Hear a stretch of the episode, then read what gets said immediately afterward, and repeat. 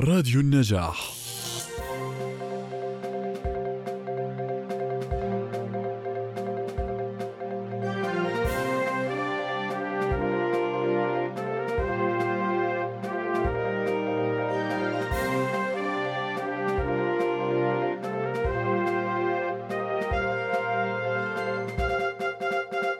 هذه الجلسة ستدور حول الظاهرة السلفية. الظاهرة السلفية التي شغلت الجميع شغلت أنصارها وشلخ وشغلت منافسيها داخل إطار ما يسمى بالحراك الإسلامي وشغلت العالم حكومات وكذلك شعوبا. وجلسة اليوم ستكون ممتعة لأن لأنها ستحاول من خلال المداخلات الأربعة آه، أن تسلط أضواء متعددة على هذه الظاهرة من حيث النشأة من حيث مضامينها وأطروحاتها من حيث ما حققته وما خسرته في معاركها المتعددة التي خاضتها وخاصة سنتوقف عند نتائج هذه المعارك ومآل هذه الظاهرة وكيف سيكون مصيرها؟ وهل سيكون له وهل سيكون لها تأثير في المستقبل على السياسة؟ ولكن أيضا على مستوى الأفكار والمعتقدات. وستكون البداية مع الصديق العزيز محمد رمان الذي قدم لوحة في ورقته لوحة مهمة لأنه حاول أن يسيطر على هذه الظاهرة ويضعها في سياقها أو في سياقاتها العامة والخاصة سياقاتها السياسية والعقائدية والفكرية. ولذلك كانت ورقته ممتعة جدا.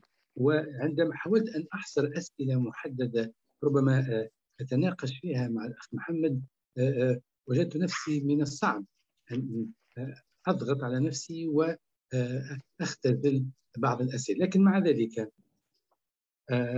ربما السؤال الأول الذي أريد أن أطرحه على الأخ محمد يعني رغم الاختلافات القائمة اللي أنت أشرت لها في الورقة بين مختلف التيارات الدينية آه، بما في ذلك السلفية. إلا أن يبدو أن الظاهرة السلفية هي الأعمق وهي التي تمثل العمق الذي آه، يستمد منه الإسلام السياسي وحركات الإسلام السياسي وجوده وتعتبر بمثابة الخزان آه، الرئيسي حتى ولو تباينت أطروحات هذه الحركات مع التيارات السلفية بمفهومها الواسع هل بالفعل يمكن أن تكون الظاهرة السلفية خزان لحركات الإسلام السياسي؟ شكرا جزيلا أستاذ صلاح ومساء الخير جميعا وكل عام وأنتم بخير إن شاء الله مقدما عيد أضحى مبارك على الجميع. الحقيقة السؤال مهم لأنه هنالك من وجهة نظري في العالم العربي وخاصة من قبل الباحثين والدارسين والإعلاميين في كثير من الأحوال هنالك اختزال للمشهد السلفي في بعض تفاصيله وفي بعض الجماعات بعض الحركات بعض الأمور. وهذا ويتم التعامل معه وكأنه التيار السلفي أو التيارات السلفية عبارة عن حزمة واحدة أو كتلة صماء. وهذا غير صحيح. الأمر الثاني والذي أشرت إليه إنه السلفية آه، لها امتداد تاريخي من الضروري إنه نفكر فيه بشكل جيد. لها امتداد على صعيد الإرث الفقهي على صعيد الإرث الفكري على صعيد الإرث الديني. وبالتالي هم يعني ليسوا حالة حركة اجتماعية مستحدثة. وهذا ربما يميز ما بين التيارات السلفية عموما والجماعة الإخوان المسلمين أو حزب التحرير على سبيل المثال خصوصا لأنه هذه الحركات التيار السلفي تيار يستند على الجانب الفكري الجانب المرجعي الجانب الديني أكثر من تلك الحركات التي تستند على التحديات الاجتماعية والسياسية والاقتصادية الواقعية بشكل بشكل رئيسي. وبالتالي يصعب الفصل. وهنا النقطة المهمة اللي أنا أعتقد أنك كنت تلمح إليها أستاذ صلاح في في سؤالك. يصعب الفصل ما بين الإرث السلفي بصورة عامة والفقه السني أيضا الذي يمثل امتداد له وبالتالي الحركات الإسلامية في الأغلب الأعم تنهل من الفقه السني وهنا تأتي عملية التداخل والاشتباك بالصورة المعقدة التي نراها في التعامل مع الظاهرة السلفية. وأنا دعني يعني أتذكر لأنه أنا في تابعنا منذ الربيع العربي التحولات السلفية أتذكر كيف أنا كنت في تلك اللحظات في البدايات في واشنطن كنت أقوم بكتابة كتاب السلفيون والربيع العربي. كان هنالك مدارس من الباحثين الأمريكان والغربيين الذين تعمقوا بشكل كبير في دراسة الحركات الاسلام السياسي لكن كان هنالك عدم إلمام بكثير من مراكز التفكير والقرار ومراكز البحث وأنا أتحدث عن حتى عن عن واشنطن في تلك المرحلة بالتيارات السلفية. ربما طبعا بالتأكيد هنالك أكاديميين درسوا التيارات السلفية وبحثوها غربيين وعرب بشكل معمق لكن أتحدث على الأوساط السياسية ومراكز التفكير. وبالتالي كان هنالك أزمة في التعامل مع التيار السلفي. وفي بداية ظهور السلفيه السياسي أو التيار السلفي بعد الربيع العربي بصيغته الحزبية بشكل كبير وكانت ملاحظ إنه طبعا في تلك المرحلة كان حزب النور السلفي في في في مصر ولم يكن بالمناسبة وحيدا مثل ما بيعرفوا الدكتور أحمد شلاطة هو له كتب أيضا في هذا الجانب والعديد من الإخوان والزملاء المصريين. كان هنالك أحزاب أيضا سلفية مصرية أخرى ولكن جرى تسليط الضوء على حزب النور بصورة رئيسية وبدأ السلفيون وكأنهم يعني مفاجأة الربيع العربي في تلك المرحلة. ولكن أنا ما ذكرته في الورقة وهنا بيت القصيد ربما تكون مدخل لنقاش أوسع لاحقا في هذه الحوارية الفكرية أن السلفيين أيضا هم تفاجؤوا بالربيع العربي. وبالتالي وقعوا في صدمة الربيع العربي الذي شكل زلزال. بالنسبة للتيارات السلفية وبدأ هنالك حراك سلفي كبير غير مسبوق.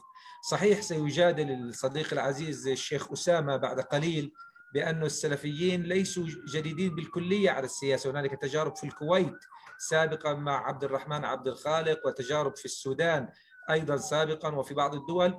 لكن التيار السلفي على العموم كان مستنكفا عن العمل السياسي بصورة نسبية بشكل كبير. فبدأ الدخول إلى الملعب السياسي بدأ تشكيل الأحزاب السياسية في مصر. كان هنالك محاولة استنساخ لهذه التجربة في تونس مثل ما بتعرف أستاذ صلاح وأيضا في اليمن وفي دول أخرى. حتى في الأردن كان هنالك محاولة استمزاج من قبل بعض الشباب السلفي لمحاولة التحول إلى حزب سياسي. وأنا أشرت في الورقة إلى نقطة مهمة إلى مؤتمر عقد في إسطنبول عام 2011 في نهاية 2011 شارك فيه قيادات سلفية لمناقشة موقف السلفيين من العمل السياسي وكان هنالك اتجاه يرى بالتحول إلى الحزبية واتجاه آخر يرى بالتحول إلى جماعة ضغط وجماعات ضغط ومصلحة.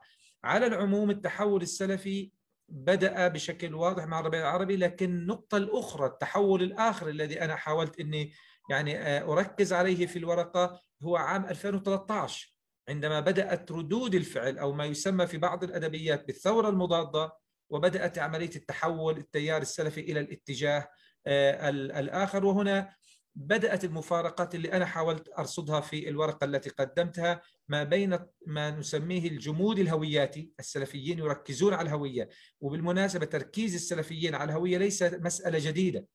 اهتمام السلفيين بالهوية مسألة تعود إلى أهل الحديث. بوصفهم يعني كانوا يرون أنفسهم يدافعون عن عقيدة أهل السنة والجماعة. ولاحقا تبنت التيارات السلفية المعاصرة محاولة الحفاظ على العقيدة وعلى البيت السني نظيفا نقيا. وهنا نجد الفرق ما بين حركات الإسلام السياسي الأخرى وما بين التيار السلفي الذي كان تركيز على في مقابل هذا التركيز على الجانب الهوياتي وجدنا أيضا وهذا أيضا اللي ربما أشرت إليه أستاذ صلاح في في مداخلتك الأولى وجدنا براغماتية سياسية غير متوقعة عند كثير من الأحزاب السلفية والتيارات السلفية. وهذه البراغماتية أيضا ترتبط بالفقه السني. بالفقه السني الميراث السني الذي مثلا كان لديه تصورات حول التعامل مع الحاكم المستبد حول درء المفاسد اولى من جلب المصالح فيعني آه، هنالك العديد من النقاط التي يمكن أن نناقشها لاحقا لكن بالتأكيد يصعب الفصل ما بين الحركة السلفية وما بين الإطار الفقهي والموروث الفكري الذي يعني أصبح منتشرا بشكل كبير في العالم العربي. أنا بطلب منك في دقيقة جاوبني على سؤال ممكن يكون مدخل لبقيه الورقات. يعني حركة سلفية برزت فاجأت الجميع تضخمت ولكن في نفس الوقت تراجعت وضربت وانحسرت في هذا الوقت بالذات بقيت هناك أطراف بطبيعه الحال سلفيه تتحرك ولكن بعد ذلك الصعود هذا الانهيار السريع. حسب رأيك هل يكفي التحالف الدولي ورفع السعودية يدها عن دعم التيار السلفي؟ هل يكفي ذلك لتفسير هذا الانحسار اللي تعيشه الآن الظاهره السلفيه بدقيقة إذا كنت تريد الجواب لا يكفي. بدون شك نحن أشرنا في الورقة إلى أهمية التحولات السعودية. السعودية شكلت راعيا كبيرا للتيار السلفي خلال عقود سابقة وساهمت في نشر الثقافة السلفية والفكر السلفي بصيغته الحالية. لكن بالتأكيد هنالك مثلا في مصر في مصر حزب النور الذي كان يحوز على 20% من المقاعد وجاء في الترتيب الثاني في الانتخابات في الانتخ... 2011 لاحظنا كيف إنه في الانتخابات الأخيرة نسبته انهارت بشكل كبير تراجع بشكل كبير جدا. قاعدته لم تعد كما كانت. حدث انشقاق حدثت انشقاقات داخل النور وداخل القاعدة الداعمة لحزب النور. بالتالي هذه هناك أسباب ذاتية وهنالك أسباب موضوعية. شكرا عزيزي سنتواصل نواصل الحديث فيما بعد. الآن ننتقل للدكتور آه، حسن أبو هنية. اللي آه، جاء خذا مثال. هذا المثال مهم التوقف عنه اللي هو هيئة تحرير الشام. آه، وحاول من خلال هذا المثال أن يبين لنا نوع من الديناميكية نوع من المرونة التي آه، نوع من البراغماتية التي يتميز بها بعض السلفيين أو بعض الأطراف السلفية رغم التصلب العقائدي لكن ورغم الشدة على مستوى آه، تمسكهم بما يسمونه بالثوابت الإسلامية لكن مع ذلك هناك أطراف يعني سلفية مثل هيئة تحرير الشام الذي التي تميزت بنوع من البراغماتية وحاولت أن تتخلص من بعض القواعد أو من بعض الارتباطات التي يمكن أن تؤدي في هذه الهيئة وبهذا التنظيم إلى مأزق كما حصل مع البقيه. أنا نحب نطرح سؤال على الأخ حسن هل قطع علاقات هيئة تحرير الشام التنظيمية بالقاعدة وبداعش وخاصة بالقاعدة آه، تعتبره أنت تكتيك لم ينجح أو نجح نسبيا أم أنه بالفعل هناك تغيرات عميقة حصلت داخل الهيئة مما يفتح لنا المجال القول بأنه يمكن لأطراف سلفية أن تحدث قطيعة مع مرجعياتها السابقة وأن تحدث تحول نوعي ليس فقط في تركيبتها وفي قياداتها ولكن في تفكيرها الاستراتيجي وفي خلفيتها النظرية. تفضل دكتور آه، شكرا شكرا صديقنا أستاذ صلاح ولجميع الحضور هو هذا السؤال فعلا هو يعني بمعنى هل هذا هو التغير استراتيجي أم أنه تكتيك؟ وهذا أنا ما حاولت ربما يعني يمكن ما ما كانش وقت كافي تكون واضحة لكن حاولت أعود لمفهوم السلفية لأنه هو هذا لأنه حركة هي لا تزال سلفية ولا تزال جهادية. اذا ما الذي يختلف؟ يعني دائما كانت الحقيقة لم تدرس السلفية حتى الآن بشكل جيد يعني حتى كما قال الأستاذ محمد إنه هي كانت جديدة. أذكر أول ما زارنا في الأردن أول من وضع تصنيف جيد للسلفية هو كوينتين ويكتوروفيتش عندما جاء وكان يريد أن يدرس الإخوان فاقترحت عليه أن يدرس السلفية. وقال ما هي السلفية؟ التسعينات. قلت له هذا سيكون لها شأن آخر. على كل حال هو في النهاية توصل إلى تصنيف بأنها سلفية نقوية وهناك سلفية سياسية وهناك سلفية جهادية. وبالتالي من يحدد هو السياقات؟ يعني. وهذا فيما لاحقا اقترحنا على هنري ليزير عندما كتب كتابه الهام صناعة السلفية أن يدرسها تدرس دراسة سياقية أن من يحدد مفهوم السلفي وماهية السلفي هي السياقات وليست النصوص. وبالتالي يعني يجب أن نجمع في قراءة معنى السلفية لأنه هذا اسم السلفية هو يضم كما هو معروف كل ما يقول بمرجعية السلف وبالتالي الكتاب والسنة وتجسيدات القرون الثلاثة الأولى ويتحدث تحديدا بمرجعيات أحمد بن حنبل ثم القروسطي ابن تيمية وصولا إلى محمد عبد الوهاب. ونعلم أن هذه السلفية هي يعني دائما كانت هي نتاج يعني مق يعني هنا ضروري نفهم هيئة تحرير الشام وبقية هذه الحركات السلفية. أنها حركات ذات طبيعة بين النص والسياق. لا تخرج يعني كما هي مقاربة أنثروبولوجيا الإسلام وأنثروبولوجيا الدين تحديدا طلال الأسد أن التقاليد الخطابية ما يطلق عليها الكتاب والسنة وما تؤديه إلى تأثيرات في ال ال الإنسان مهم وكذلك التأويلات المجسدة بمعنى الاجتهادات لأنه لا يوجد هناك خلاف. السلفية كلهم مجمعون على الإلهيات النظرية ما يتعلق بالله بالذات والصفات وما يجوز وما لا يجوز. هذا لا خلاف بالإلهيات النظرية لدى كل السلفية الاختلاف في الإلهيات العملية هي المتعلقة كيف نضع هل هذا الشخص الذي نقول أنه هذا ما يحدث مع حياة تحرير الشام القاعدة الجهادية السلفية السرورية بمعنى السياسية والنقوية؟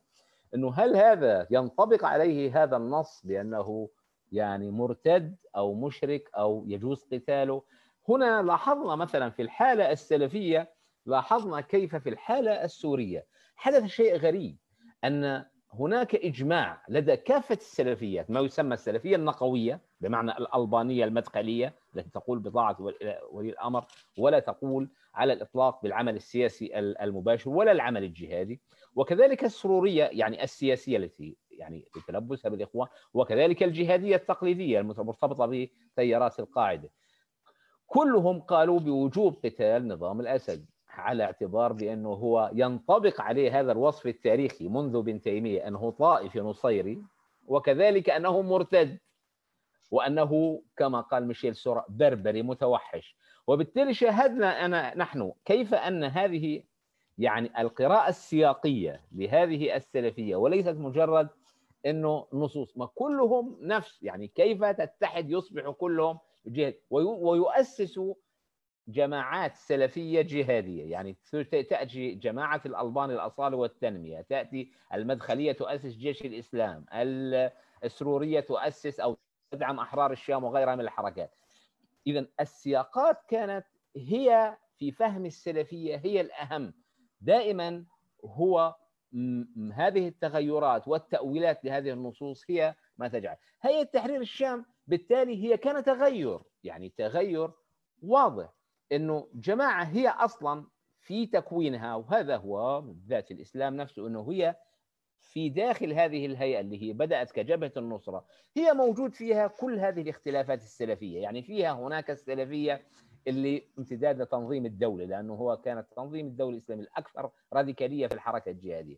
وفيها مجموعة خراسان اللي هي المرتبطة بالقاعدة الجهاديين المعولمين الدوليين وفيها الجهاديين المحليين الذين مرتبطين بتراث جهادي محلي يعني بحث مروان حديد وغيره.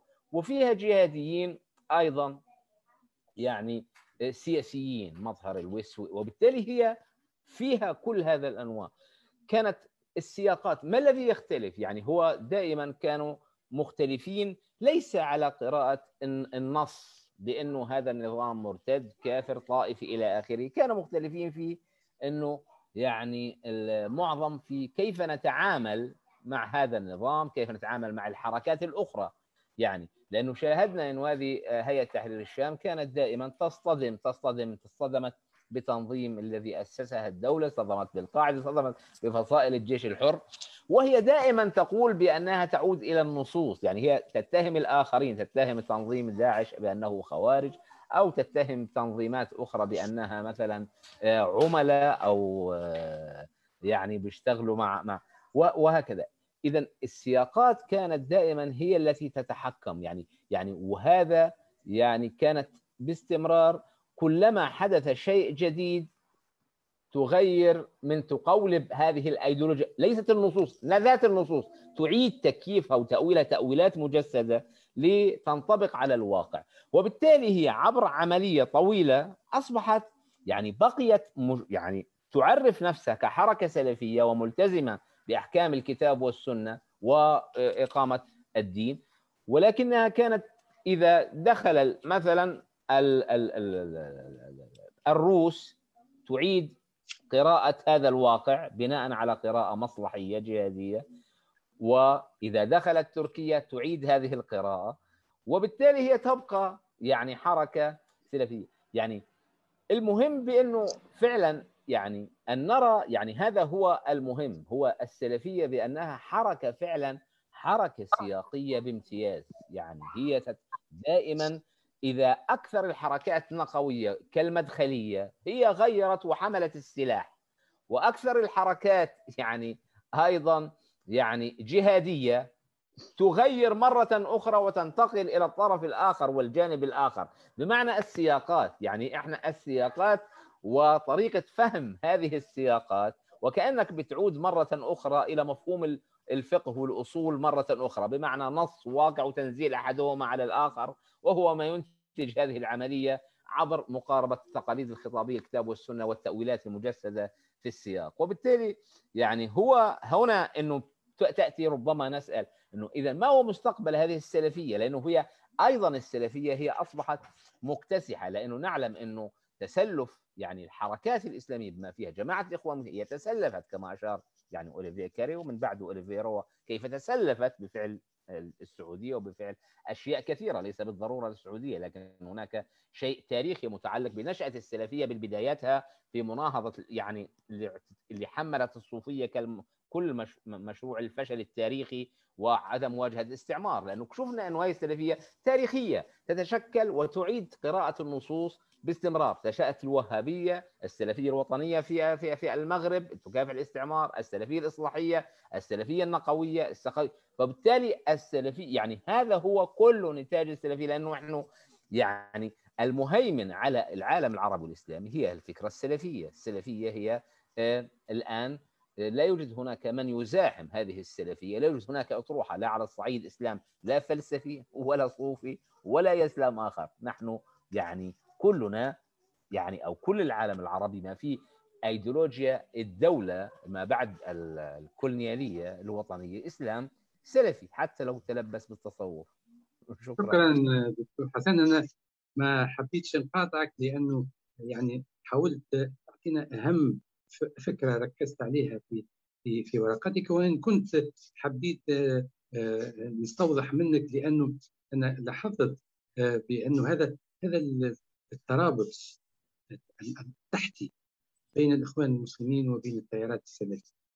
وأنت أعطيت مثل أنت ركزت على الجانب السوري وكيف أنه القيادات الأساسية التي أثرت في في, في إنشاء التيار السلفي السوري يعني الكثير منها كان مرتبط بالإخوان أو خرج من الإخوان وبالتالي ما بين السلفية والإخوان هناك نسيج مشترك رغم التناقضات ورغم الصراعات ورغم التنافي الذي حصل في فيما بعد. الآن ننتقل للورقة معناها الثالثة واللي هي تحت عنوان الحراك الثوري العربي والمسألة السلفية في الكويت للأستاذ مبارك. أستاذ مبارك أنا حبيت الحقيقة عجبتني الورقة ولكن حبيت نسأل يعني لأنه أنت أشرت إلى نقطتين مهمتين. أشرت إلى انه الظاهرة السلفية قديمة في في الكويت. ثم أشرت إلى نقطة أثارت جدل ولا تزال وحاولوا في تونس ربما التأثر بها وهي تتعلق بالتخصص سميته التخصص السياسي والتخصص الدعوي. ربما اللي حبيت نسأله أكثر هو يعني في ماذا تتمثل الخصوصية الكويتية أو التجربة الكويتية؟ وهل استطاعت أنها بالفعل تعطي فكرة جديدة أو وجه جديد للسلفية وبالتالي لم تتورط فيما تورطت فيه الحركات السلفية الأخرى في كثير من المناطق العربيه. شكرا شكرا جزيلا بداية يعني أنا كل عام وأنتم بخير وعيدكم مبارك مقدما وأشكر حقيقة معهد السياسة والمجتمع على الأبحاث والدراسات وكذلك مركز فريدريش إيبرت على هذه الدعوة وهذه دعوة ثانية أتشرف بها معكم. يعني سؤالك مهم أستاذ صلاح ولكن قبل أن أتحدث عن هذه الخصوصية أود أشير إلى مسألة مهمة بالنسبة لي كباحث في الحقل السياسي الإسلامي، يعني أنا تأثرت في دراستي لهذه الظاهرة بتونس. كانت بداية دراسة الإسلام السياسي كانت عن حركة النهضة التونسية وهي رسالة الماجستير التي كتبتها عن حركة النهضة، لذلك أجدني متاثرا في كتابات الباحثين التوانسه والمغاربة بشكل عام حقيقة. في دراسة الإسلام السياسي وهذا مبني يعني بأدوات التحليل والمقارنة والقياس في دراسة الداخل الكويتي عموما عودة إلى موضوع الورقة الحراك الثوري والمسألة السلفية في الكويت وحتى يعني لا أخذ وقتا كثيرا سأتحدث عن ثلاثة نقاط لعلها تجيب على سؤال الأستاذ صلاح. وأنا أود أن أعلق قبل أن أتحدث عن هذه النقاط على ما تفضل به الدكتور محمد بن رمان عندما قال بأن التحولات لدى التيار السلفي حدثت بعد الحراك الثوري العربي، لا بالنسبة للكويت ليس صحيحا. التحولات حصلت منذ ثمانينيات القرن الماضي. وهذا ما يفسر الخصوصية التي يعنيها والتي أشرت لها في هذه الورقة. عموما ما هي أهم النقاط التي توضح هذه أو المحاور التي توضح هذه الخصوصية؟ اولا أنا أتحدث عن مرحلة أو طور ممكن أن نسميها السلفية كحركة مضادة أو as a counter movement أو counter weight وهذا ما حدث في بداية الستينيات وتحديدا في عام 1967 عندما تم تأسيس الجماعة السلفية. لماذا تم تأسيس هذه الجماعة؟ يقول أحد قادتها الشيخ عبد الله السبت رحمه الله قال بأن السبب الرئيس في ظهور الجماعة السلفية هي أن تكون حركة منافسة لبعض الجماعات ويقصد فيها جماعة الإخوان المسلمين وجماعة التبليغ. اذا يمكن القول بأن الجماعة السلفية تأسست في الكويت في 67 كحركة فكرية أو دعوية مضادة أو فيما يسميها البعض بالحركة التصحيحية. وهذا ما حصل في ال 67 بمعنى أن هذه الحركة لم تظهر إلى السطح كجماعة احتجاجية سياسية ضد سياسات الحكومة أو كجماعة سياسية معارضة. أنا الآن أستخدم مصطلح استخدمه الباحث عبد الباقي الهرماسي عندما شرح الوضع الإسلامي السياسي في تونس. فاستخدم مصطلح الإسلام الاحتجاجي. اذا تأسيس الجماعة السلفية في الكويت ليست لم تظهر كجماعة مضادة. أو كجماعة احتجاجية. عموما وأستطيع أن أقول أن ولادة الحركات السياسية الإسلامية في الكويت السنية بشكل خاص كانت مستقرة. وما يميزها أنها تعمل في العلن وهي ليست حركات سرية على الإطلاق. كما أن العلانية العلانية في الكويت لا تشكل أي خطورة على هذه الحركات. وهذا ما سهل ويسهل وصول الحركات السياسية الإسلامية إلى موارد الدولة كما يشرحها أحد الباحثين في كتاباته. وأيضا هذا ما يفسر التقارب ما بينها وبين النظام الحاكم. بل أنها في بداية الأمر هذه الحركات السياسية الإسلامية السنية كانت مدعومة من النظام السياسي. بخلاف الوضع في تونس، بخلاف الوضع في المغرب، بخلاف الوضع في الجزائر وبعض الدول العربية الأخرى. اذا هي مدعومة في بدايتها من النظام السياسي. هذه المسألة حقيقة يعني يتم يجب أن نضعها في الاعتبار عند قراءة أو دراسة حقل الإسلام السياسي في الكويت. اذا هذه المرحلة الأولى السلفية كحركة مضادة. الطور الثاني وهي السلفية كحركة سياسية وهذه تجيب على أو وهذا ما يوضح النقطة التي تفضل بها الدكتور محمد أبو رمضان. السلفية كحركة سياسية as a political movement يعني هذا الطور أيضا نتاج للطور السابق الذي يعني حقيقه شهد عدة تطورات. أهمها أطروحات الشيخ عبد الرحمن عبد الخالق التي دعا فيها إلى ضرورة مسجد تخصص الدعوي بالتخصص السياسي. وهذا أيضا إجابة على سؤال الاستاذ عبد الرحمن سؤال الأستاذ عفوا صلاح الجورشي. اذا هو كان يدعو بضرورة الدمج. وحصل هناك خلافات داخلية داخل الجسم السلفي حقيقة. الدمج ما بين العمل الدعوي والسياسي.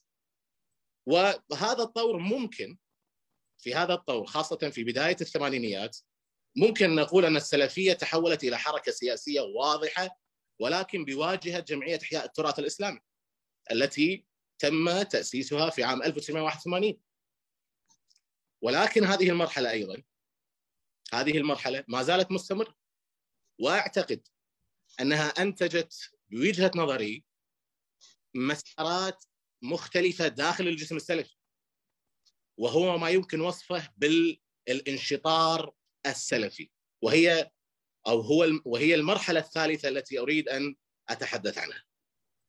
ماذا نعني بالانشطار السلفي في الكويت؟ أو الانشطار السلفي السياسي أو فيما ممكن نصفه بال political mutiny أو ال political dichotomy بعد تأسيس التجمع السلفي في عام 1992 وهو الذراع السياسي لجمعيات احياء التراث كذراع سياسي كحركة سياسية حصل حقيقة عدة تطورات داخل هذا المكون سأختصرها بعدة نقاط. بعد تحرير الكويت في عام 1991 من الغزو العراقي صار هناك احتجاج داخلي داخل الجسم السلفي. احتجاج يعني يعبر عنه عدة عدة روايات حقيقة وليست رواية واحدة. الرواية الأولى هي الاختلاف الذي حصل على قضية الاستعانة بالقوات الأجنبية.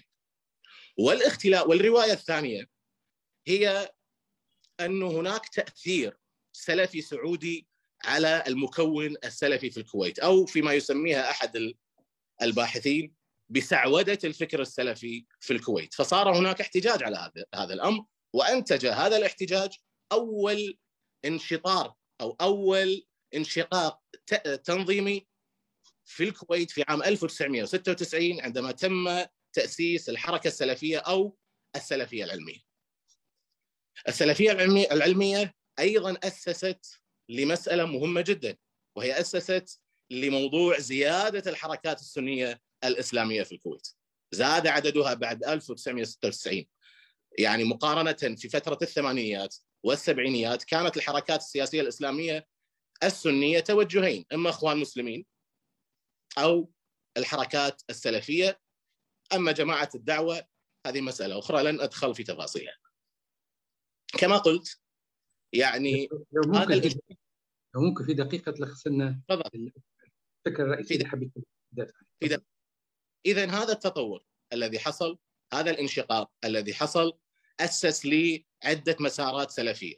فظهرت في عام ألف في عام 2003 تجمع ثوابت الأمة وبعد ذلك 2005 حزب الأمة. وحزب الأمة بالمناسبة هو الآن هو اللي الذي يعبر عن الحركة السياسية الإسلامية الاحتجاجية التي أسسها الدكتور حاكم المطيري عموما تأسس بعد ذلك عدة توجهات حقيقة انشقت من إحياء التراث والتجمع السلفي ممكن أن نسميها بظاهرة السلفية المستقلة التي لا تنتمي إلى أي تجمع أو حركة منظمة.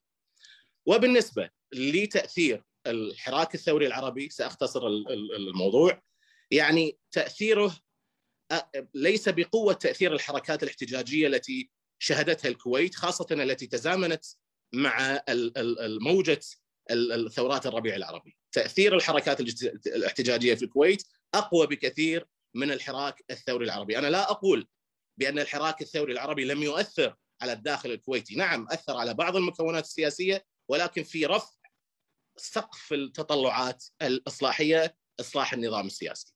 عموما في هذه المسألة في هذه التطورات ظهر لنا التيار الجامي. وأنا أقول وتحمل كلامي بأن التيار الجامي الذي يرفض بالمناسبة أن يتم وصفه بالحركة ظهر بشكل واضح بعد الحراك الثوري العربي صار لديه خطاب صار لديه قنوات في وسائل التواصل الاجتماعي صار لديه أيضا تأثير وإن كان محدودا.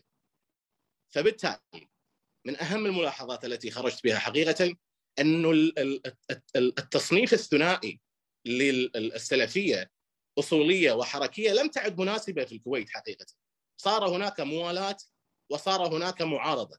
هذا التصنيف لم يعد مناسبا أو لم يعد كافيا لتفسير الحالة السلفية في الكويت، صار لدينا موالاه وصار لدينا معارضة. عموما باختصار أنا أعتقد إنه تحول السلفية إلى حركة سياسية سبقت الحراك الثوري العربي وأنا ذكرت منذ بداية ثمانينيات القرن الماضي. شكرا جزيلا وأسف على الاطاله شكرا شكرا جزيلا. وننتقل من الكويت إلى المغرب. المغرب له خصوصية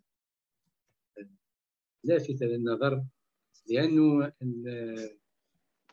في حاجتين حبيت نشير لهم الإشارة الأولى أنه في المغرب وجدت حركة سلفية وطنية آه، مناهضة للاستعمار ولكنها أيضا ذات منحى إصلاحي وديمقراطي وأهم رمز من رموزها علال الفاس وكان يتوقع بأن الحركة الإصلاحية في داخل المغرب آه، واعتماد النظام على شرعية دينية آه، اصلاحي وديمقراطي وأهم رمز سيكون سيكون ذلك كافيا. شرعية دينية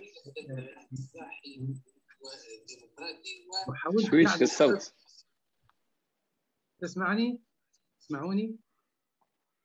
آه، في مشكلة في الصوت أستاذ صلاح كأنه عندك صار صوتين. آه صوتين. يمكن زوج أشخاص اصبحت أنا يعني طيب الآن الآن صوت واحد صوت واحد. الحمد لله. هذه هي الديمقراطية الاستبدادية. صوت واحد يعني لا يعلو فوقه أي صوت آخر. قلت المغرب يعني آه، حالة خاصة. حالة خاصة لأنه المغرب آه، بدأت يعني ظهرت فيها منذ فترة طويلة آه، سلفية من نوع خاص. سلفية ذات طابع وطني ذات طابع يميل إلى الانفتاح وإلى الحداثة يحاول أن يحصن المغرب ويحصن الفكر الإسلامي من الانتكاسة في عملية الانغلاق. ويعتبر علال الفاسي من أهم رموز هذا هذا التيار السلفية الوطنية هو اسس حزب الاستقلال. آه، وكنا نتصور أنه إلى جانب ذلك وجود نظام حكم يعتمد على شرعية دينية آه، آه، هو الذي يشرف على المؤسسة الدينية. سيكون ذلك كافيا لصد التيار السلفي. ولكن ما لاحظناه هو أن المغرب أيضا رغم هذين الإشارتين اللي قلتهم قد أصبحت لها قد أصبح في المغرب حراك سلفي وهذا الحراك السلفي معناها ترجم في تنظيمات سلفية وكادت المغرب أنها تتورط في عمل إرهابي واسع النطاق لولا أن حصل التطورات في المقابل وضعت حدا لهذا الاندفاع نحو السلفية. المغلقة وكذلك نحو وضعت حدا نحو الاندفاع نحو السلفية الجهادية. هذاك علاش يعتبر محمد عبد الوهاب رفيقي معناها آه، شاهد شاهد على هذه التجربة؟ لأنه أولا هو آه، يتمتع بثقافة واسعة وهو من المغرب ويعرف خصوصيات بلده. وثانيا لأنه انخرط في هذا آه، هذه الحركة هذا التيار ويعني كان أحد رموز معناها ومشايخ الحركة السلفية الجهادية أو السلفية الجديدة في المغرب. لذلك ورقته أعتبرها مهمة وحاول أنه من خلالها قدم لنا صورة دقيقة عن الحالة السلفية في المغرب. وإن كان محمد عبد الوهاب يعتبر من الحالات النادرة التي انتقل فيها من السلفية الراديكالية نسبيا إلى حالة من الانفتاح والتحول الفكري المهم الذي نتوقع أن هذا التحول ما زال مستمرا عنده وقد يفاجئنا في الأيام القادمة بمواقف أكثر جرأة مما آه، عبر عنه حتى الآن. تفضل سي محمد عبد الوهاب.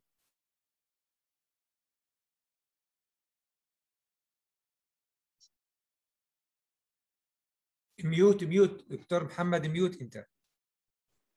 عذرا عذرا. أهلا وسهلا. شكرا. نفسك زيادة سي صلاح. شكرا شكرا سي صلاح. شكرا جزيلا. شكرا لمعهد السياسة والمجتمع ولفريدريش إيبرت على هذه الدعوة. وسعيد بالتواجد مع عدد من الأصدقاء اللي صار لي زمان من سنوات طويلة يعني ما كان لي لقاء بيني مباشر بيني وبينهم. الورقة صراحة كما ذكر الأستاذ صلاح أنا حاولت فيها أن أعطي لمحة عامة عن الوضع السلفي بالمغرب سواء من حيث السياق التاريخي أو من حيث ما عليه الحال الآن. ملخص الورقة تبدأ بالحديث عن السياقات التاريخية والسياق التاريخي أشار إلى جزء منه الأستاذ صلاح في في تدخله. صراحة السلفية الوطنية حتى نكون دقيقين في الموضوع، السلفية الوطنية ليس لها ما يجمعها مع السلفية المعاصرة أو السلفية الوهابية شيء إلا الاسم. لا أعتقد أن هناك أي مشترك بين هذه السلفيات، يمكن الاشتراك في قضية واحدة وهي محاربة ما يسمى في السلفية المعاصرة بالشركيات والخرافة وعبادة القبور والأضرحة ولكن ليس على أساس السلفية الوطنية انطلقت في محاربتها في محاربتها لما يعرف بالشركيات انطلاقا من أساس عقلاني وليس انطلاقا من أساس نصي هي لأنها كانت حركة عقلانية لأنها كانت حركة تقدم العقل على النص. ورغم أن بعض الحركات السلفية الوهابية في المغرب تحاول تحاول أن تجد ان أن تعب أن تعتبر نفسها امتدادا لهذه السلفية الوطنية لكن صراحة هي أنا أعتبرها محاولة فاشلة جدا لأن الاختلافات هي متعلقة بالأصول التي تقوم عليها السلفية المعاصرة. ما سمي بالسلفية الوطنية وليس علال الفاسي يعني أبرز أو يعني علال الفاسي يمكن آخر شخص لأنه متأخر في في المرحلة في المرحلة العمرية. هو من آخر من التحق بهذه الحركة. ولكن الذين أسسوا السلفية الوطنية في المغرب هم أبو شعيب الدكالي وبالعربي العلوي بالأساس. أبو شعيب الدكالي لأنه التقى رشيد رضا في مصر وجلس طويلا عند رشيد رضا في في مصر فعاد محملا بعدد من الأفكار الإصلاحية. وأبرز أبرز شخصية صراحة هو بالعربي هو بالعربي العلوي ولهذا السلف ما سم ما سميته في في الورقة بين بين عارضتين بالسلفية الحركية وهي التيار الجديد الذي شق على المغربي هو حاول أن يجعل من نفسه امتدادا بالعربي العلوي. وكتب حماد القباج أبرز رموز التيار كتب كتابا كبيرا عن حياة بالعربي العلوي كأنه يقول نحن نمثل امتدادا لبالعربي العلوي. ولكن الحقيقة أن الفرق واسع جدا جدا. بالعربي العلوي كان ينتقد أحاديث في صحيح البخاري وهي من الأمور المحرمة والممنوعة عند التيارات السلفية المعاصرة. وتتخيل معي في الثلاثينات والأربعينات وكان و و و وكتب وحاضر عن كون عدد من الأحاديث في صحيح البخاري أنه لا يصدقها ولا يؤمن بها ويعتبرها أحاديث ضعيفة. بالعربي العلوي عارض عارض الحجاب وكان وبناته كنا غير محجبات وكان يعارض علنا الحجاب. بالعربي العلوي كان يعتبر في ذلك الوقت الفوائد البنكية ليست من الربا وكان يدافع عن عن مشروعيتها أكثر من ذلك أن. وهذا من الإشكالات التي ستجعل النظام يعدل عن هذه عن هذا الاختيار السلفي الوطني إلى السلفية الوهابية هو العلاقة الوطيدة التي جمعت هذا التيار باليسار. لو رجعتم إلى جوجل ستجدون صورة مشهورة لشيخ بالعربي العلوي والذي كان يلقبه المجتمع يعني كانت له رغم أفكاره الإصلاحية كان يلقب مجتمعيا بشيخ الإسلام بالعربي العلوي. ستجدون صورة له وهو على المنصة ومعه على المنصة كل زعماء اليسار المعروفين في المغرب عبد الرحمن اليوسفي والمهدي بن بركة وعبد الرحيم بوعبيد وكل زعماء اليسار المعروفين وترأس ترأس مؤتمر الاتحاد الوطني للقوات الشعبية الذي كان أبرز حزب يساري في ذلك الوقت فحتى أكون واضح في هذا الموضوع هي سلفية غير مرتبطة تماما بالسلفية الوهابية أو السلفية المعاصرة لا يجمعهما فقط إلا هذا الاسم. أعود إلى قضية ذكرها ذكرها الدكتور قبل قليل وهي أن السلفية الوهابية كانت مدعومة من النظام على خلاف ما عليه الحال في تونس أو المغرب أو أو الجزائر كما ذكر الدكتور، هذا كلام غير دقيق بالعكس. دخول السلفية الوهابية إلى المغرب أصلا لم يكن لم يأتي عفويا ربما في دول أخرى قريبة من السعودية كان عادي جدا أن يصل المد السلفي بحكم القرب الجغرافي. لكن المغرب بخصوصيته التاريخية بعمق البعد الصوفي المعروف تاريخيا داخل المغرب كانت محاولات في عهد محمد بن عبد الوهاب نفسه في عهد المولى سليمان العلوي لإدخال السلفية إلى المغرب السلفية الوهابية وفشل هذا الأمر. بحكم أن العنصر الصوفي قوي جدا في في المغرب. لكن قرار إدخال السلفية إلى الوهابية إلى المغرب لم يكن فقط بدعم الدولة كان بقرار من الدولة. الدولة هي التي قررت أن تستدعي الفكر السلفي الوهابي لمواجهة اليسار لأن اليسار كان قد تغلغل في الجامعات وتغلغل في ال ال الكليات وبالتالي كان القرار بإدخال السلفية الوهابية إلى المغرب وبتمكينها من كل القنوات التي تمكنها من تأطير المجتمع. المدغري العلوي وزير الأوقاف في عهد الملك الحسن الثاني صرح في استجواب مع مجلة تلكيل أنه تلقى تعليمات بمنعه من التدخل في المساجد الكبرى للمملكة والتي سلمت للتيار السلفي.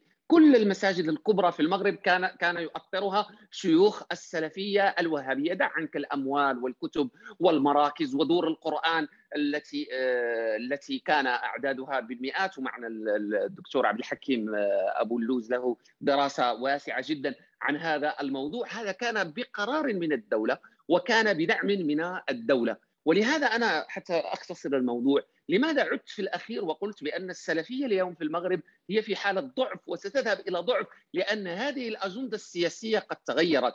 لأنه لم يعد هناك يسار معارض، اليسار انخرط في في المؤسسات الدولة وترأس الحكومة والإنصاف والمصالحة، فليست هناك أي أجندة سياسية تدفع النظام لدعم التيار السلفي ولذلك ضيق عليه أكثر من ذلك خصوصا حتى يبرئ حتى يبرئ نفسه من من من تهمة دعم التيارات السلفية التي تعتبر بين قوسين كمغذيات للفكر المتطرف حسب كثير من المتابعين أو حسب التهمة السياسية التي روجت بعد 2001 فالمغرب بدأ يضيق على هذه التيارات ولهذا أغلق كل دور كل تلك المدارس الدينية المسمات بدور القرآن وأكثر من ذلك حتى ما يسمى بالسلفية الحركية والتي سميتها بالسلفية الحركية وأنا متردد صراحة في هذا في هذا التصنيف هي انشقاق من حركة من من الحركه السلفية التقليدية لحركه المغراوي.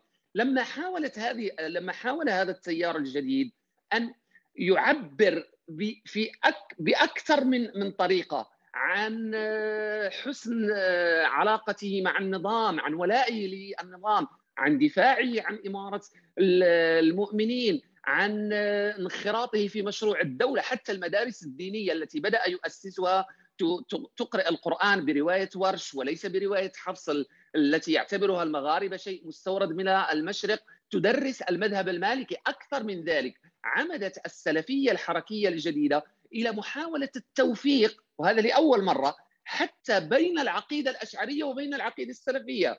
ونحن الذين تربينا في ظلال السلفية على أن الأشاعرة فرقة ضالة وأنهم ضالون وأنهم منحرفون. وصل الأمر أحيانا حتى إلى التكفير. بدأت السلفية الجديدة تنتج أدبيات تحاول فيها التقريب بين السلفية وبين الأشاعرة وأنهم أصول واحدة وأن الاختلاف بينهم لا يضر حتى يتماهوا مع العقيدة الرسمية للدولة. مع هذا كله مع كل هذا لما قدم حماد القباس ترشيحه لانتخابات للانتخابات النيابية سنة 2016 رفضت السلطة طلب ترشيحه وعللت هذا الطلب بأن هذا الشخص قد عبر مرارا عن أفكار تدعو إلى التطرف وتشجع على على التطرف ومنعت ترشيحه للانتخابات. وبالتالي هو هي هي فعلا قضية سياسية. المعطى الجديد أيضا في الأخير الذي تحدثت عنه في الورقة هو السلف انتهيت هذه آخر آخر فكرة. أن السلفية الجهادية تقريبا انتهت تعبيراتها داخل المغرب، لا وجود لسلفية جهادية داخل المغرب، السلفية الجهادية الموجودة اليوم هي الخلايا السرية التي تلقي يلقي عليها الأمن القبض بين الفينة والأخرى وهي الهجرة الجهادية التي كانت زمن داعش واليوم تحولت إلى إلى ليبيا أو تحولت إلى الساحل، تعبير سلفي جهادي داخل المغرب غير موجود اليوم، السلفية التقليدية تراجع دورها بشكل كبير جدا، السلفية الحركية هذه هذا التيار المنشق عن التيار المغربي هو الذي ينشط اليوم في عن طريق العمل الخيري، عن طريق العمل الإغاثي، عن طريق العمل الفكري والردود على المخالفين، العمل الإعلامي هوية بريس، جريدة السبيل وغيرها. شكرا أستاذ فرح. شكرا شكرا جزيلا أنا الحقيقة ما ما استطعتش أن يعني أضع لك حد في الكلام لأنه بالفعل الحالة المغربية لافته للنظر ولها خصوصية ولذلك استعراضها سيثري النقاش حول الظاهرة السلفية. الآن معناها بقت لنا ساعة ونصف ساعة وعشر دقائق. وفي هذه المساحة الزمنية سنعمق النقاش مع بعض حول العديد من القضايا. أنا فقط أطلب نجدة. النجدة بالنسبة باش نضع طالبي الكلمة لأني معناها في ناس طلبت الكلمة وضعت اسمها وفي ناس رافعة يدها الآن يعني عبر الشاشة. فبالتالي أعطيوني القائمة ولكي أتصرف. بدك أساعدك. أنا دكتور أستاذ صلاح في عندك رفع ايديهم عبد الرحمن الحاج بداية. دكتورة أمال دكتور ساري الدكتور هشام وأيضا الدكتورة هبة. أظن بالتوالي هيك بيكون جيد. الدكتور عبد الحكيم عبد الحكيم. والدكتور عبد الحكيم. في حد آخر؟ يعني هذا إلى الآن. طيب. آه اذا آه باش نعطي لكل واحد ثلاث دقائق. يعني آه إلا النساء نعطيهم زيادة دقيقة أو دقيقتين هذاك معناها تعاطفا وترسيخا لفكرة المساواه من وجهة نظري. عبد الرحمن الحاج تفضل. خليهم خمس دقائق يا دكتور أستاذ صلاح. تفضل تفضل أبدأ في الكلام ثلاث دقائق لا تكفي. تفضل تفضل مش مشكلة تفضل. أستاذ صلاح وزمان طويل لم نراك وأيضا الزملاء الله يسلمك جميع الزملاء. أنا أستغل الوقت للتعليق على نقطتين. بخصوص الكلام اللي حكاه الأستاذ حسن بموضوع التحولات السلفية وأيضا النظر إلى هذه التحولات من خلال السياق. أنا عندي إشكال بموضوع زاوية النظر للتحولات. يعني في في إطار الكلام اللي تفضل فيه الأستاذ حسن. نحن بنشوف إنه التحولات هي عبارة عن تحولات داخلية لكن في إطار الحفاظ على السلفية. بمعنى إنه السلفية ديناميه تتحرك في إطار سياقات معينة ولكنها تحافظ على الإطار العام. اللي الحقيقة اللي بنشوفه في سوريا مختلف. اللي حصل إنه إنه السلفية نفسها الإطار النظري اللي تم يعني حتى لو عرفناه بشكل إجرائي لما يمكن وصفه بالسلفية انكسر. بمعنى في هيئة تحرير الشام دخلت في تحولات اخرجتها عن إطار سلفية بالمعنى يعني بأي معنى حتى متداول لليوم. وداخله هي في تحول أعمق من هيك تخرج حتى من إطار الحالة الإسلامية بكليتها. وبالتالي لما ننظر عن تحولات أنا رأيي إنه يعني الحركات السلفية بقدر ما كانت تبدو هي حركات جامدة تحولاتها محدودة لأنه العقيدة اللي اللي حاكمتها هي صلبة. لكن لأنه وهي وجهة نظري بعتقد أنه بيتبناها بعض الزملاء هون أنه التكوين الأساسي للحركات الجهادية والسلفية تحديدا يعني ناشئ بشكل أساسي من السياق السياسي والاقتصادي يعني بشكل مختصر. فلما بيحصل تحولات معينة بتؤدي لنشوء تنظيمات تتخذ لغة احتجاجية أقرب لغة هي اللغة السلفية. ولكن حتى لو لم تكن هنالك سلفية بالمعنى الكلاسيكي اللي تشكل الآن هي خزان في في في بالنسبة للجهادية السلفية الشائعة. لكن في يعني السياق هذا راح يولد وراح يكون أقرب لغة ممكن موجودة في التيارات الدينية اللي هي أسهل طريقة للتعبير عن الاحتجاج. راح يتم استخدامها سواء كانت السلفيه موجودة أو غير موجودة. وهذا بيشرح يعني على الأقل إذا إذا نحن أخذنا المثال الكويتي اللي هو يعني بيأكد النظرية بشكل عملي. الكويت الكويت تشكل السلفية وطريقة تطورها وعلى طبعا على ما سمعنا يعني نحن نتعدى الآن على على المجال الكويتي ولكن آه، بيأكد إنه إنه تحول نحو العنف إلى آخره. يبدو إنه هذا شيء كثير بعيد وسواء كان هذا تفسيره بسبب آه، نشوء إنه هي كان نشأت كحركة آه، مضادة أو في مواجهة حركات أخرى فكرية وبعدين هي صار لها نشاط سياسي مرتبط بالدولة وبالتالي تصنيفات الراهنة يمكن ما تكون مناسبة لها.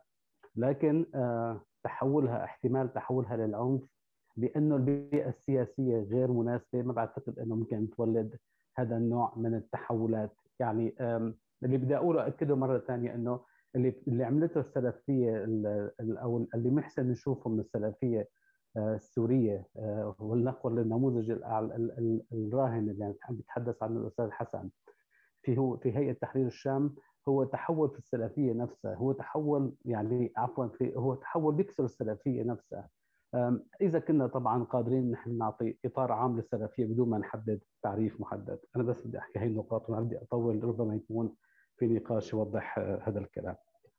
أستاذ عبد الرحمن أنا حبيت فقط أستفسر يعني أنت تريد تقول بانه آه، آه، تحول داخل السلفية يبقى له سقف. إذا تحدثنا عن تحول عميق سيؤدي بالضرورة إلى كسر الفكر السلفي والخروج عنه.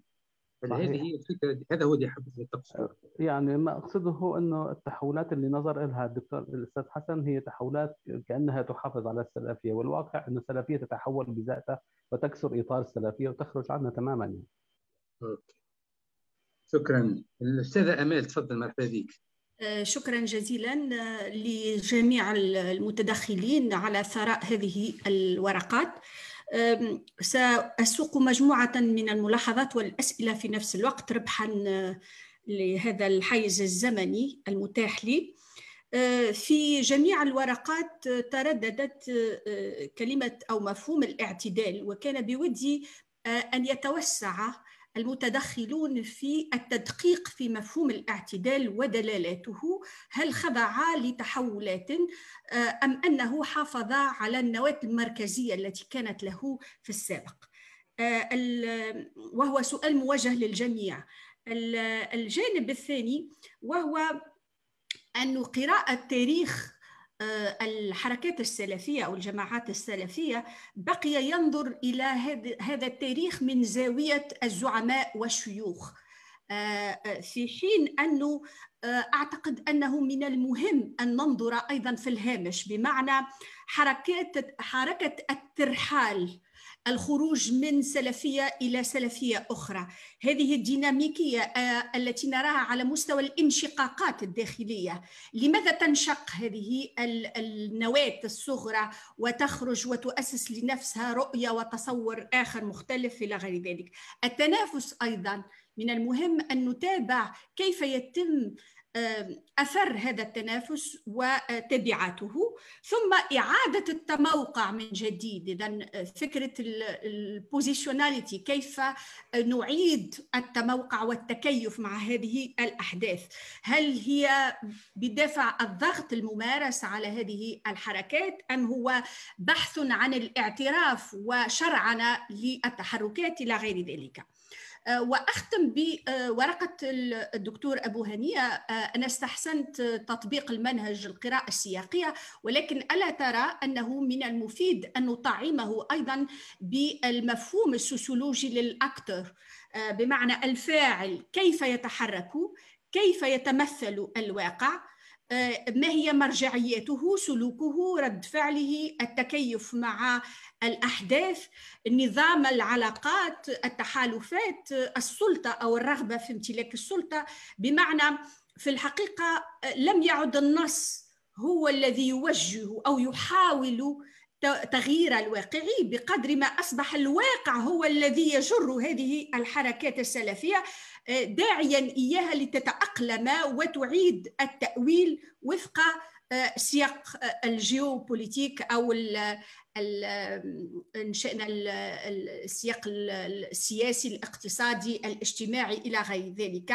فهنا أعتقد أنه تتبع مفهوم الفاعل واللاعب الجديد على المستوى السياسيين الروس الأتراك إلى السعودية إلى غير ذلك. اذا بهذا التطعيم السوسيولوجي يمكن أن نقدم إفادة أكثر عمقا بالنسبة لهذه القراءة السياقية. وشكرا هناك كثير من الملاحظات ولكن سأكتفي احتراما للوقت.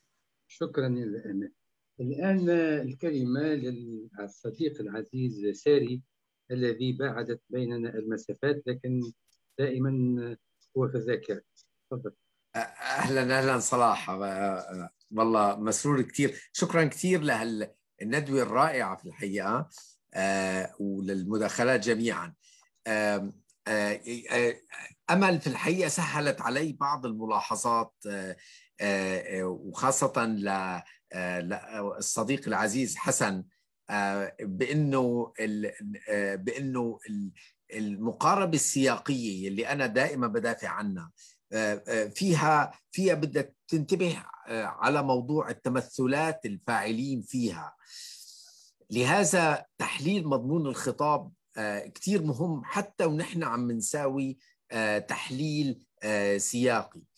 لأنه الأمثلة اللي جبتها بالسياق في الحقيقة حسن في فعلا في اختلافات طبعا للسياق ولكن يظل في شيء مركزي بالسلفية يلي ما اختلف في الحقيقة. وخليني خليني أكون دقيق بهذه النقطة. خليني جيب مثال يعني أنا درست مناهج جامعة الكويت كلها. مادة السياسة الشرعية يلي تدرس قبل ثلاث سنوات ما بعرف الآن إذا غيروها ولا لا هي هي بكل معنى الكلمة هي هي ال ال ال الإطار النظري لما فعلته الدولة الإسلامية في الموصل والرقة. بمعنى تحريم الأحزاب السياسية تكفير الديمقراطية. ببلد في الحقيقة فيه تراث ديمقراطي إلى حد بعيد بالخليج يعني أول واحد. فأنا انصعقت لما شفت المادة السياسة الشرعية اللي تدرس اليوم بالكويت. فلهذا كثير مهم إنه ونحن عم ندرس السياق نشوف كيف الخطاب عم بتشكل بتشكل. هي هي أول نقطة. عندي ثلاث نقاط كثير سريعين. النقطة الثانية في الحقيقة أنا مهتم كثير بالفترة الأخيرة بالسلفية بفرنسا. يلي يلي عكس ما النظام الفرنسي بيحكي بأنها هي عنيفة في الحقيقة ما في أي مؤشر على إنها عنيفة في الحقيقة. وما حدا طلع من من المساجد الفرنسية السلفية للجهاد ببساطة. ولكن فرنسا ليش مهمة؟ لأنه ما في سياق قمع تاريخيا، يعني دولة ديمقراطية. شو عملت السلفية في الحقيقة؟ هي بالأجندة الاجتماعية، هي فعلا أجندة عزل المسلم الفرنسي عن مجتمعه. وهون في الحقيقة كثير مهم إنه إنه ما كثير نتاخذ كثير بالتحليلات السياسية. بدنا نعمل تحليلات اجتماعية ل خلينا أقول السلوك السلفي وكيف عم بتطور أو ما عم بتطور بمكان ما. النقطة الثالثة والأخيرة. الحقيقة أنا مسرور بإنه كل خطاب هالمؤتمر يلي حتى هاي ثالث وحدة إنه ما عم بيسأل سؤال بإنه يدخلوا بالسياسي ولا ما يدخلوا بالسياسي فهذا شيء عظيم جدا. أنا برأيي ما في مجال الدين كأخلاق بيدخل بكل مجالات الإنسان. يعني الدين الدين بأخلق السياسي بأخلق الاقتصاد بأخلق العلاقات الاجتماعية. وهوني أنا برأيي بشوف بالسلفيه بأنه كثير قليل بقراءاتي للسلفيين في دراسات للمعضلات الأخلاقية. يعني هن بنطوا بسرعة للفقه وهذا شيء آه، موجود بكل مش بس بكليات الشريعة بتلاقيه عند عند أدبيات الحركات السلفية. يعني الشيخ ناصر الدين الألباني مثلا بدروسه ما في أي اشتغال على المعضلات الأخلاقية. يعني ما في خطاب أخلاقي. في في أنه آه، في أحاديث وتراث بيقولنا هل الحكم الديني هيك؟ في أحاديث وتراث بيحكوا آه، آه، هكذا وهكذا. اذا اذا الشيء شيء كثير مهم أنه أنه نشوف بأنه السلفية مقارنة مع الحركات الإخوانية بأن لسه بدها لسه عند عندها اشتغال كثير كبير لحتى نفهم سلوك السياسي لأن ما آه، اعتبرت الأخلاق هو الأخلاق اللي نستدل عليه بمقاصد الشريعة و و و أنا عم بعمل كثير اختصارات. أي كيف كيف هو اللي بده يعمل فقه بما فيه الفقه الشرعي للسياسي وللاقتصاد وللكذا آه إذا معي دقيقة آه بس بدي أقول شغلي. آه في الحقيقة كثير اهتميت بتاريخ دار الحديث الحسنيه ويلي درست آه, آه، لأخي اللي قدم عن آه، عن عن المغرب. في الحقيقة آه، آه، آه، من المقابلات اللي عملتها كثير مهم إنه إنه الملك الحسن عمل دار الحديث الحسنيه خوفا من إنه السلفية أخذوا قصة الحديث واعتبروا لهم فهو أراد أن يكون هناك مدرسة مغاربية أو مغربية ضد السلفية الألبانية أو السلفية الوهابية. وشكرا. شكرا. الآن الكلمة للأستاذة والأخت العزيزة هبة. تفضلي. شكرا جزيلا. يعني هو ال ال الأبحاث غطت مساحة واسعة جدا. وأنا كنت بتساءل ربما هذا يعني يصلح كتابعات للمشروع وربما يصلح لمشروعات أخرى. يعني أنا أعتقد أن ظاهرة السلفية ظاهرة معقدة جدا. أي حد ممكن يطلع يعني بسمت أو بخطاب أو بمرجعية معينة ويقول إن هو سلفي. يعني يعني ما فيهاش الإحكام اللي موجود في حركات تنظيمية أكتر بتطالب بمسؤوليات أكبر بفاعلية أكبر وكذا. ففيها سيولة عالية يعني حتى الواحد من 2011 أنا طبعا يعني أنا كنت بحضر زمان وأنا صغيرة للسلفيين لأن الإخوان ما بيدرسوش عقيدة وكنت كنت بتجول بقى بين الاخوان اللطاف صديقات كذا السلفيين بيدرسوا عقيدة التبليغ دعوتهم لطيفة. فأنا كنت جوالة في في ظاهره الصحوة يعني ما كنتش بعتبر نفسي مضطرة إن أنا ألتزم بمناهج حد يعني. فالواحد اتعرف على على أشكال مختلفة. الكلام ده كان في مطلع الثمانينات لما كمان السلفية الجهادية ابتدت يعني تبقى ليها بؤر في الجامعات المصرية أحيانا وأذكر ذلك يعني.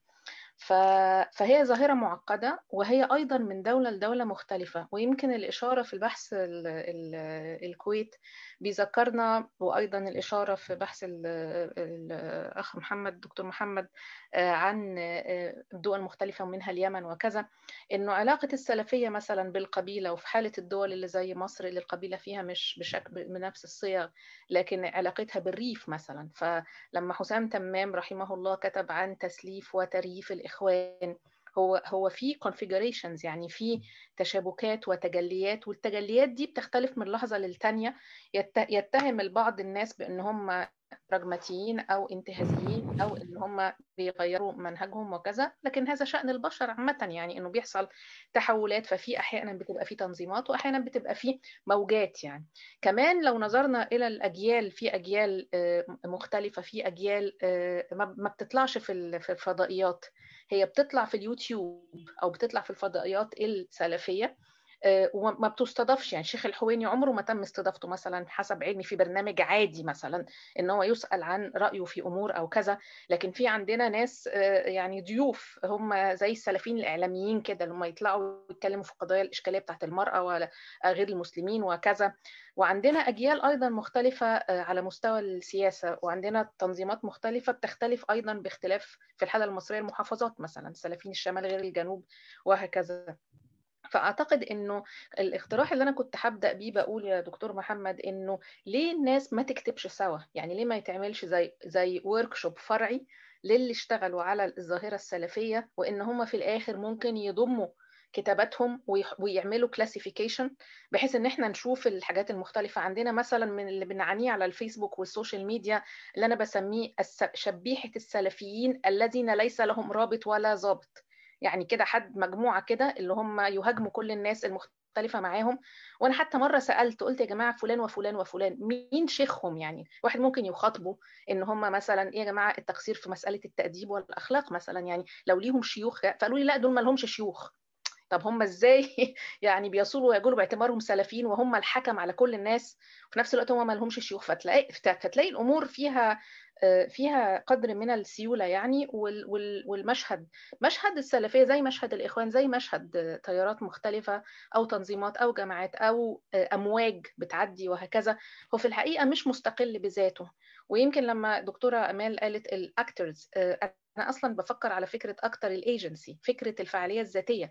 إنه في في دور للأشخاص والأفراد ومواقعهم وخلفيتهم وسنهم وظروفهم والأماكن الجغرافية اللي بينتموا إليها والعصبية يعني إحالة لابن خلدون العصبية اللي بتدعمهم في هذه الحالة. وبالتالي أعتقد إنه العمل المشترك على مقارنة الحالات والخروج بزي تصنيفات أكثر تنوعا ممكن ممكن يكون مفيد في هذا الشأن. الحالة اللي أنا ما وجدتهاش مذكورة يمكن تم المرور عليها مرور الكرام وأعتقد أنها ليها دلالات ولم تحظى باهتمام كافي في البحث يعني على حسب ما طلعت في في الفترة الماضية يعني هي الحالة الليبية. إنك أنت عندك مدخلية تحولت إلى ميليشيات لدعم. حفتر اللي هو بالتأكيد ملوش خطاب ديني يعني. وبالتالي بقت هي أداة للقتل في يد سلطة عسكرية بغض النظر عن إحنا معاه إحنا ضده مش دي قصة خالص. ما يهمناش قصة لكن بتصنف هذا الجنرال وبعدين بتصنف إزاي استخدامه لمجموعات سلفية في قتل تيارات إسلامية أخرى في في مشهد نزاع. فلو عملنا النيونسز دي الاختلافات المتنوعة والتقسيمات وخدنا حالات وال... واللي اشتغلوا على الأبحاث دي قعدوا مع بعض وحاولوا يعملوا حاجة مشتركة أنا أعتقد إن هتطلع حاجة قوية جدا وإحنا ما عندناش عادة الكتابة المشتركة دي في العالم العربي يعني عادة بشخص هو اللي بيكتب البحث فلو اجتمعوا الأربعة أو الخمسة اللي مهتمين بالموضوع ومزجوا النص وتحرر تحرير قوي أنا أعتقد إن هو ممكن يكون جزء مهم جدا في الكتاب على هذا النحو يعني. وأشكركم. شكرا. تفضل سي عبد الحكيم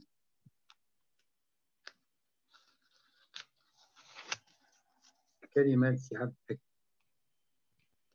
سمعني؟ افتح الميكروفون أخ. عبد الحكيم mute أنت. يعني واضح إن أنت الأستاذ صلاح تجاوزتني في الترتيب. فإذا كنت أنا بعد عبد الحكيم ما فيش مشكله لا لا لا صح صح صح. شكرا شكرا للاساتذه الكرام على مداخلتهم ثلاثة ولكن عبد الحكيم الاحظ ان تهيأت نفسيا للمداخلة. خلاص. نعتذر منك. نعطيك فرصة أخرى. خلاص لا لا خلاص خلاص الأستاذ عبد الحكيم يتفضل تجاوز لا لا لا لا الدكتور الدكتور عبد الحكيم يتفضل وأنا بعدين إن شاء الله. ما فيش أي مشكلة. طيب. شكرا سيدي. شكرا للمتدخلين الثلاثة الاساتذه الكرام الذي أغنونا بهذه بهذه الذي قرأناها عميقا. أنا ألاحظ بأن المداخلة الثلاثة اعتمدت مقتربا ماكرو سوسيولوجيا يعني يعني التفكير في الحركات السلفية من خلال أفكاره العامة أفكارها العامة واتجاهات سلوكها السياسي. ألم يحل الوقت بعد لكي لكي يتشجع الباحثين ويدخلون إلى هذه الحركات في ومقصده هنا هل الحالات في الشرق الأوسط الحالة العمانية مثلا الأستاذ أبو رمان والأستاذ الأستاذ هنية لم يحل الواحد الدخول إلى هذه الحركات وملاحظتها عن عن عن عن قرب. حتى نكتشف امورا أكثر عمقا حول زعمائها وسلوكها في الاستقطاب والتعبئة المذهبية. عندنا في المغرب المسألة أصبحت من الصعوبة مكان بعدما أن كانت ممكنة في في فيما قبل قبل انفجارات 2016 2003 السؤال الثاني هو أخشى أن أن نكون يعني ملاحظ داخل السلف ال ال ال التصنيف الذي خرجنا به لحد الآن هو الخطاب التقليدي ثم الخطاب الحركي ثم الخطاب السلفي الجهادي. ولكن أنا أثير الانتباه إلى التنويعات في كل داخل كل تيار فمثلا فمثلا فمثلا الخطاب التقليدي هو ليس تقليديا بإطلاق. هو هو تقليدي ولكن عندما تجابهه مشكلة يخرج إلى الساحة السياسية ويحاول أن يبحث عن تحالفات سياسية تخرجه من من من من مشاكله. وهنا أسأل آه، على إمكانية الاستفادة من من مقترب الطائفة أي السكت. بريان ويلسون بأنه يجب أن نعتبر هذه الحركات حركات دينية تعمل في قلب المحيط قلب المجتمع آه، عن طريق هداية الأفراد. ولكن عندما آه، عندما تجابه ظروف سيئة تخرج وتبحث عن عن تحالفات عن تحالفات آه، يعني تخرجها من من من أزماتها. ولاحظنا أن التيار السلفي التقليدي في المغرب عندما عندما أغلقت مقر عمله ذهب ليبحث عن تحالفات وبالفعل لقيها وبالتالي استعاد بعض بعض بعض المقر وبعض الحركية. اذا داخل كل طيار هناك تنويعات داخلية لابد من من انتباه لها وذلك بأخذ الاعتبار ما ذكره الأستاذ هنية بين السياقات يجب اعتماد السياقات. ثم أصحح فكرة للأستاذ رفيقي. آه، التيار السلفي التقليدي في المغرب لم لم يغادر الساحة بل في 2016 تحالف مع حزب الأصالة والمعاصرة الذي بفضله بفضله نجح في كسب بعض المقاعد الانتخابية وبالتالي أرجعت للتيار التقليدي للتيار المغراوي بعض المقر ومنه المقر التي له في مراكش. يعني أعرف بعض المقر استعادت حيويتها والآن الخطاب السلفي التقليدي يشتغل بطريقة بطريقة التي كانت له آه، التي كانت له من قبل. وأصحح مرة أخرى معلومة أو أسأل إذا كان التيار الجهادي قد اختفى في المغرب كما يقول الأستاذ رفيقي فلماذا الدولة في كل وقت واحد تعلن على تفكيك تفكيك بعض التيارات الجهادية أو بعض البؤر الجهادية؟ اذا هذا أكبر دليل. إذا إذا إذا احسننا الظن في السلطات المغربية هذا أكبر دليل بأنه الحركات السلافية لم تمت وانها وإنما تتولد باستمرار. شكرا جزيلا. شكرا. اعتذاراتي مجددا. تفضل أخي هشام. شكرا للجميع وكل سنة وحضراتكم طيبين وعيد مبارك عليكم جميعا. هو إزاي أنا قريت الأوراق؟ الحقيقة اللي خرجت بيه نقطتين أساسيتين. النقطة الأولى إنه التيارات السلفية هي تمارس السياسة منذ اللحظة في شكلها المعاصر والحديث أو الحركات الظاهريه لأن هي لما بتعمل أجندة سيتنج معينة فهي ده دور سياسي. لما بتوازن مثلا إخوان أو التيارات الإسلامية الأخرى فدي أيضا في قلب السياسة. لكن مع الربيع العربي باستثناء حالة الكويت فمعناها إنها دخلت إلى ساحة العمل الحزبي وهذا هو الملمح الأساسي. لكنها خرجت منه وهنا التساؤل الأساسي هل هي بقيت حركات سلفية؟ هل الأطروحة السلفية ما زالت مطروحة؟ إذا إحنا قلنا بنقول إن هي تم تآكل الأطروحة الأساسية بتاعتها الفكرية إن هي اتسمت بالبراجماتيه أو ما أطلق عليه التطبيع مع الواقع السياسي كما انه شعبيتها في تراجع وأدت إلى التشظ هذه هي الأوراق بتتحدث عن هذه التداعيات وهذه الآثار لكن ده لن أقف أمامه طويلا لكن ما يعنيني الحقيقة وده ما لم أجده في الأوراق هو السؤال المتعلق بما يمكن أن نطلق عليه تأثيرها على الربيع العربي أو على أزمة الربيع العربي أو ما انتهينا إليه الآن من أزمة الربيع العربي. لأن هي عملت شيئين مهمين جدا. هي دخلت ساعة العمل الحزبي وعملت مسألة العنف أو استخدام العنف كما أشرت. وهنا يصبح السؤال المطروح في علاقتها بالربيع أو تأثيرها على الربيع العربي وهذا ما لم أجد في الأوراق وأتصور إنه هذا هو سؤال المستقبل بالإضافة طبعا للسؤال المتعلق بتخلي أو تراجع السعودية في دعم هذه الاطروحه. فيما يتعلق بعلاقتها أو بتأثيرها على أزمة الربيع العربي هنا يجب أن نتساءل حول موقفها من مسألة الديمقراطية والحرية أو مسألة بقى هنا ما, ما يطلق عليه طاعة ولي الأمر في تياراتها المختلفة ومواقفها وهنا يجب أن نرصد من هذا المدخل بالإضافة إلى المدخل المتعلق بالتغيير موقفها من التغيير أو بالحراك أو بالثورة سميه ما شئت فهذا أيضا نقطة ثانية في قلب مسألة الربيع العربي. النقطة الثالثة في قلب الربيع العربي هو الانتقال من الأجندة الهويتية إلى ما اطلق إلى ما أطلق عليه خطاب المعاش. الربيع العربي النقطة السادسه في قلب الربيع العربي. واضح إنه في تأخير في الصوت. النقطة الثالثة المتعلقة بموقفها من مسألة هل خطاب الهوية أو خطاب أجندة الهويتية بتتراجع لصالح المشكلة المشكلة مش عارف من وين بس دكتور عبد عم بي عم بيصير في عنده صدى فأنا عم بعمل له mute فبعد إذنك دكتور عبد ضلك muted عبد الرحمن لو ضل mute طيب. النقطة الثالثة هي متعلقة بمسألة الموقف من خطاب المعاش، الخطاب المرتبط بالأجندة الاقتصادية الاجتماعية الذي يتمدد في وسط الناس المواطنين العرب على حساب الأجندة الهويتية. النقطة الرابعة أو الخامسة لا أذكر هي متعلقة بمسألة ما يمكن أن نطلق عليه جوهر المشروع الاقتصادي الاجتماعي الخاص بها. هل هي بتدعم سياسات نيو ليبرالية أم لا؟ لأنه هذا سؤال أيضا مطروح. وأخيرا هي المسألة المتعلقه بمسألة العنف واستخدامه لأنه دي أتصور إنه هي أيضا من ضمن القضايا التي تطرح ما يمكن أن نطلق عليه تأثير هذه الحركات على ما أطلق عليه سردية الربيع العربي أو أطروحة الربيع العربي الأساسية المتعلقة بهذه النقاط الخمسه وشكرا لحضرتك. شكرا أستاذ هشام. الآن نحب نعود إلى الأستاذ أسامة سي صلاح في الشيخ آه. اسامه آه الشيخ أسامة. تفضل الشيخ أسامة. السلام عليكم. جزاكم الله خير على هذه الندوة. الصوت واضح؟ نعم واضح نعم. جميل.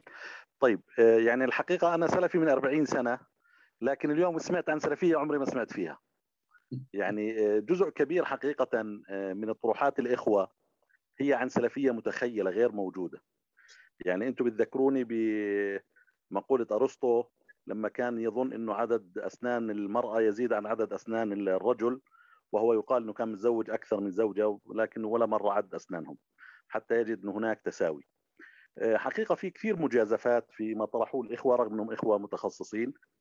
قد يكون السبب أنه المفهوم الأكاديمي للعلوم السياسية يسيطر على الإخوة وبدهم يشكلوا السلفية على ضوء المفاهيم الأكاديمية مثل الأخ اللي طرح فكرة الطائفة مثلا أو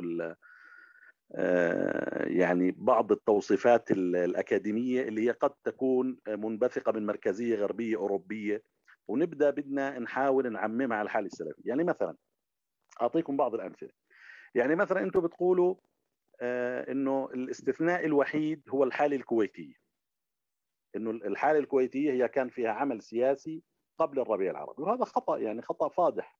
يعني البحرين مثلا العمل البرلماني السلفي فيها من قبل الربيع العربي يمكن 20 سنة. وبل كان نائب رئيس البرلمان البحريني هو الشيخ عادل المعاودة وهو سلفي رئيس جمعية الأصالة في البحرين. كتلة الأصالة في البرلمان البحري. أيضا مثلا في السودان في السودان من أكثر من 25 سنة طرح موضوع العمل السياسي وشارك السلفيين في السودان من خلال أنصار السنة المحمدية جمعية أنصار السنة المحمدية في تولوا إنه مناصب محافظين وزراء وإلى آخره. بل حتى يعني كان يعني عهد الاستقلال أظن إسماعيل الأزهري اللي هو كان أحد الأربعة اللي في مجلس الوصاية على السودان في الخمسينات هو كان أحد الرموز السلفية مثلا. فللأسف هذه مثلا من الأخطاء. من الأخطاء مثلا قضية إنه إحنا بحاجة لباحثين أكاديميين أجانب حتى يحددوا لنا تقسيمات السلفية. يعني مثلا من الأشياء اللي بتنطرح قضية السلفية التقليدية والسلفية الجهادية والسلفية الحركية.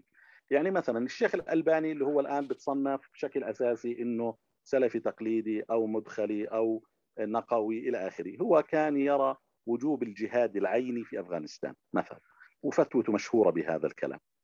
اللي تصدى للرد عليها السلفية الحركية اللي هو الشيخ صفر الحوالي مثلا. فهذا بتناقض. الآن برضو مثلا نيجي على الحالة اللي بيسموها الحركية مثلا. الحالة الحركية الآن بيجعلوا عبد الرحمن الخالق ومحمد سرور في نفس الكفه مثلا. بينما نجد إنه محمد سرور مثلا كان يرى قبل الربيع العربي كفر الديمقراطية وتكفير البرلمانات وتكفير هذا النظام كله بينما كان عبد الخالق مثلا يرى عكسه.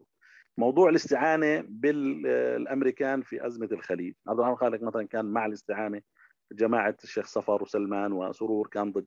فقصد التوصيفات هذه حقيقة ليست توصيفات صحيحة ولا سليمة. آه، للأسف هاي التوصيفات آه، بتيجي من خلال آه، إنه يعني فهم قاصر فهم جزئي عدم مخالطة للسلفيين. يعني مثلا من الأمثلة مثلا في ورقة الاخ رفيقي مثلا أظن في الصفحة الأولى مثلا. يعني الاخ رفيقي كان سلفي يفترض بيجي بقول وقال كبيرهم من السياسة ترك السياسة وبحط رابط يوتيوب. طبعا أنا متأكد إنه كلامه غلط بس قلت خليني أفتح رابط اليوتيوب يعني حتى أشوف المضمون اللي استند عليه دليله. فبحط رابط للشيخ الألباني. بتسمع طبعا هو العنوان من السياسة ترك السياسة العنوان المكتوب على الفيديو. اسمع الفيديو الألباني بيقول السياسة واجبة ولكن الآن نترك السياسة. فرق بين إنه هذا موقف سياسي. يعني الألباني هو كلمته في الحقيقة كما تسمعها يقول من السياسة اليوم أو الآن ترك السياسة. فهذا موقف سياسي وليس موقف شرعي. وهو لما قال هذه الكلمة قالها لما استولى حزب البعث على سوريا. هو كان معروف الألباني في الخمسينات كان داعم للإخوان المسلمين في الانتخابات. وكان يرشح آه، زهير الشاويش وغيره. لما استولى حزب البعث على سوريا قال هذا الموقف السياسي قال من السياسة الآن ترك السياسة لأنه الآن أنا بدي أعمل عمل سياسي راح أعتقل راح أضطهد راح أقتل إلى آخره. أنا لا أريد أن أطيل لكن أنا الفكرة الأساسية أنه حقيقة السلفية فيها تجنع في فهمها خاصة إذا كان من الإخوة الباحثين. أنا أرجو من الإخوة الباحثين يحتكوا بالسلفيين أكثر السلفيين حواليكم في بلادكم في مجتمعاتكم. يعني مثلا قضية المغرب أنه المغرب يقوم على المالكية والأشعرية والصوفية. يعني هذه يعني مغالطة تاريخية يعني. معروف إنه المغرب ما صار أشعري إلا بعد سنة 500 هجري على يد ابن تومرت من خلال المذابح والقتل والإجبار وإلا كان المغرب مالكي سلفي. يعني مقدمة ابن زيدون وغيره إلى آخره كلها مقدمات مالكية سلفية. فلماذا نحن نغالط التاريخ؟ المولى سليمان مثلا والعلويين كانوا سلفيين كانوا ملوك المغرب. فحقيقة في في أخطاء ومجازفات لا أعرف آه، ما هو الهدف منها. قضية اللي هو السياق وما السياق. يعني هي هاي للأسف برضو فكرة بعيدة عن فهم الإسلام أو السلفية. الإسلام كإسلام وكأظن أي فكرة أو أي مبدأ في الدنيا يراعي الظروف والأحوال. الآن أنت في مرحلة الضعف المكية مثلا النبي صلى الله عليه وسلم لم يكن مأمورا بالجهاد في المرحلة المدنية أمر بالجهاد. في مرحلة الاستضعاف مرحلة القوة مرحلة التحالف إلى آخره. فاللي أقصد أنا قضية السياق هي موجود عند كل الحركات وعند كل التيارات. آه، لكن الغريب إنه إحنا التيارات السلفية مثلا اللي مشت بناحية سلمية منتقدة. التيارات السلفية اللي استجابت للثورات الشعبية في سوريا مثلا ومشت في الثورة وعسكرتها لما النظام رفض الحلول السلمية ورفض يعني التفاهم مع الشعب وبدأ يطغى يعني برضو هذه الحركات تم رفضها. طبعا أنا أرفض اعتبار هيئة الشام سلفية أو اعتبار جماعات العنف المصرية كلها هي سلفية. هذول ليسوا سلفيين. هؤلاء بالعكس يعني من أول لحظة أنا لي كتاب في موضوع الجماعات المصرية من أول لحظة هذول الناس مش سلفيين. يعني ليس لهم مرجعية سلفية بتاتا. هم لهم مرجعيات مختلفة تماما. لكن هذا مش موضوعنا. من الإخوة مثلا أحد الإخوة طرح إنه السلفيين في الربيع العربي إما إنهم تسببوا بالعنف أو إنهم مارسوا السياسة. طب هناك قسم آخر من السلفيين وهو التيار السلفي الأكبر اللي هو كانوا رافضين للربيع العربي يعني.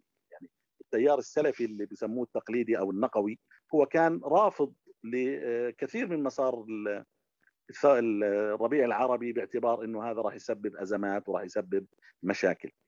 آه، برضو من الملاحظات اللي سمعتها مثلا قضية إنه حزب النور مثلا آه، فاجأ الجميع ودخل في السياسة ثم كان براغماتيا.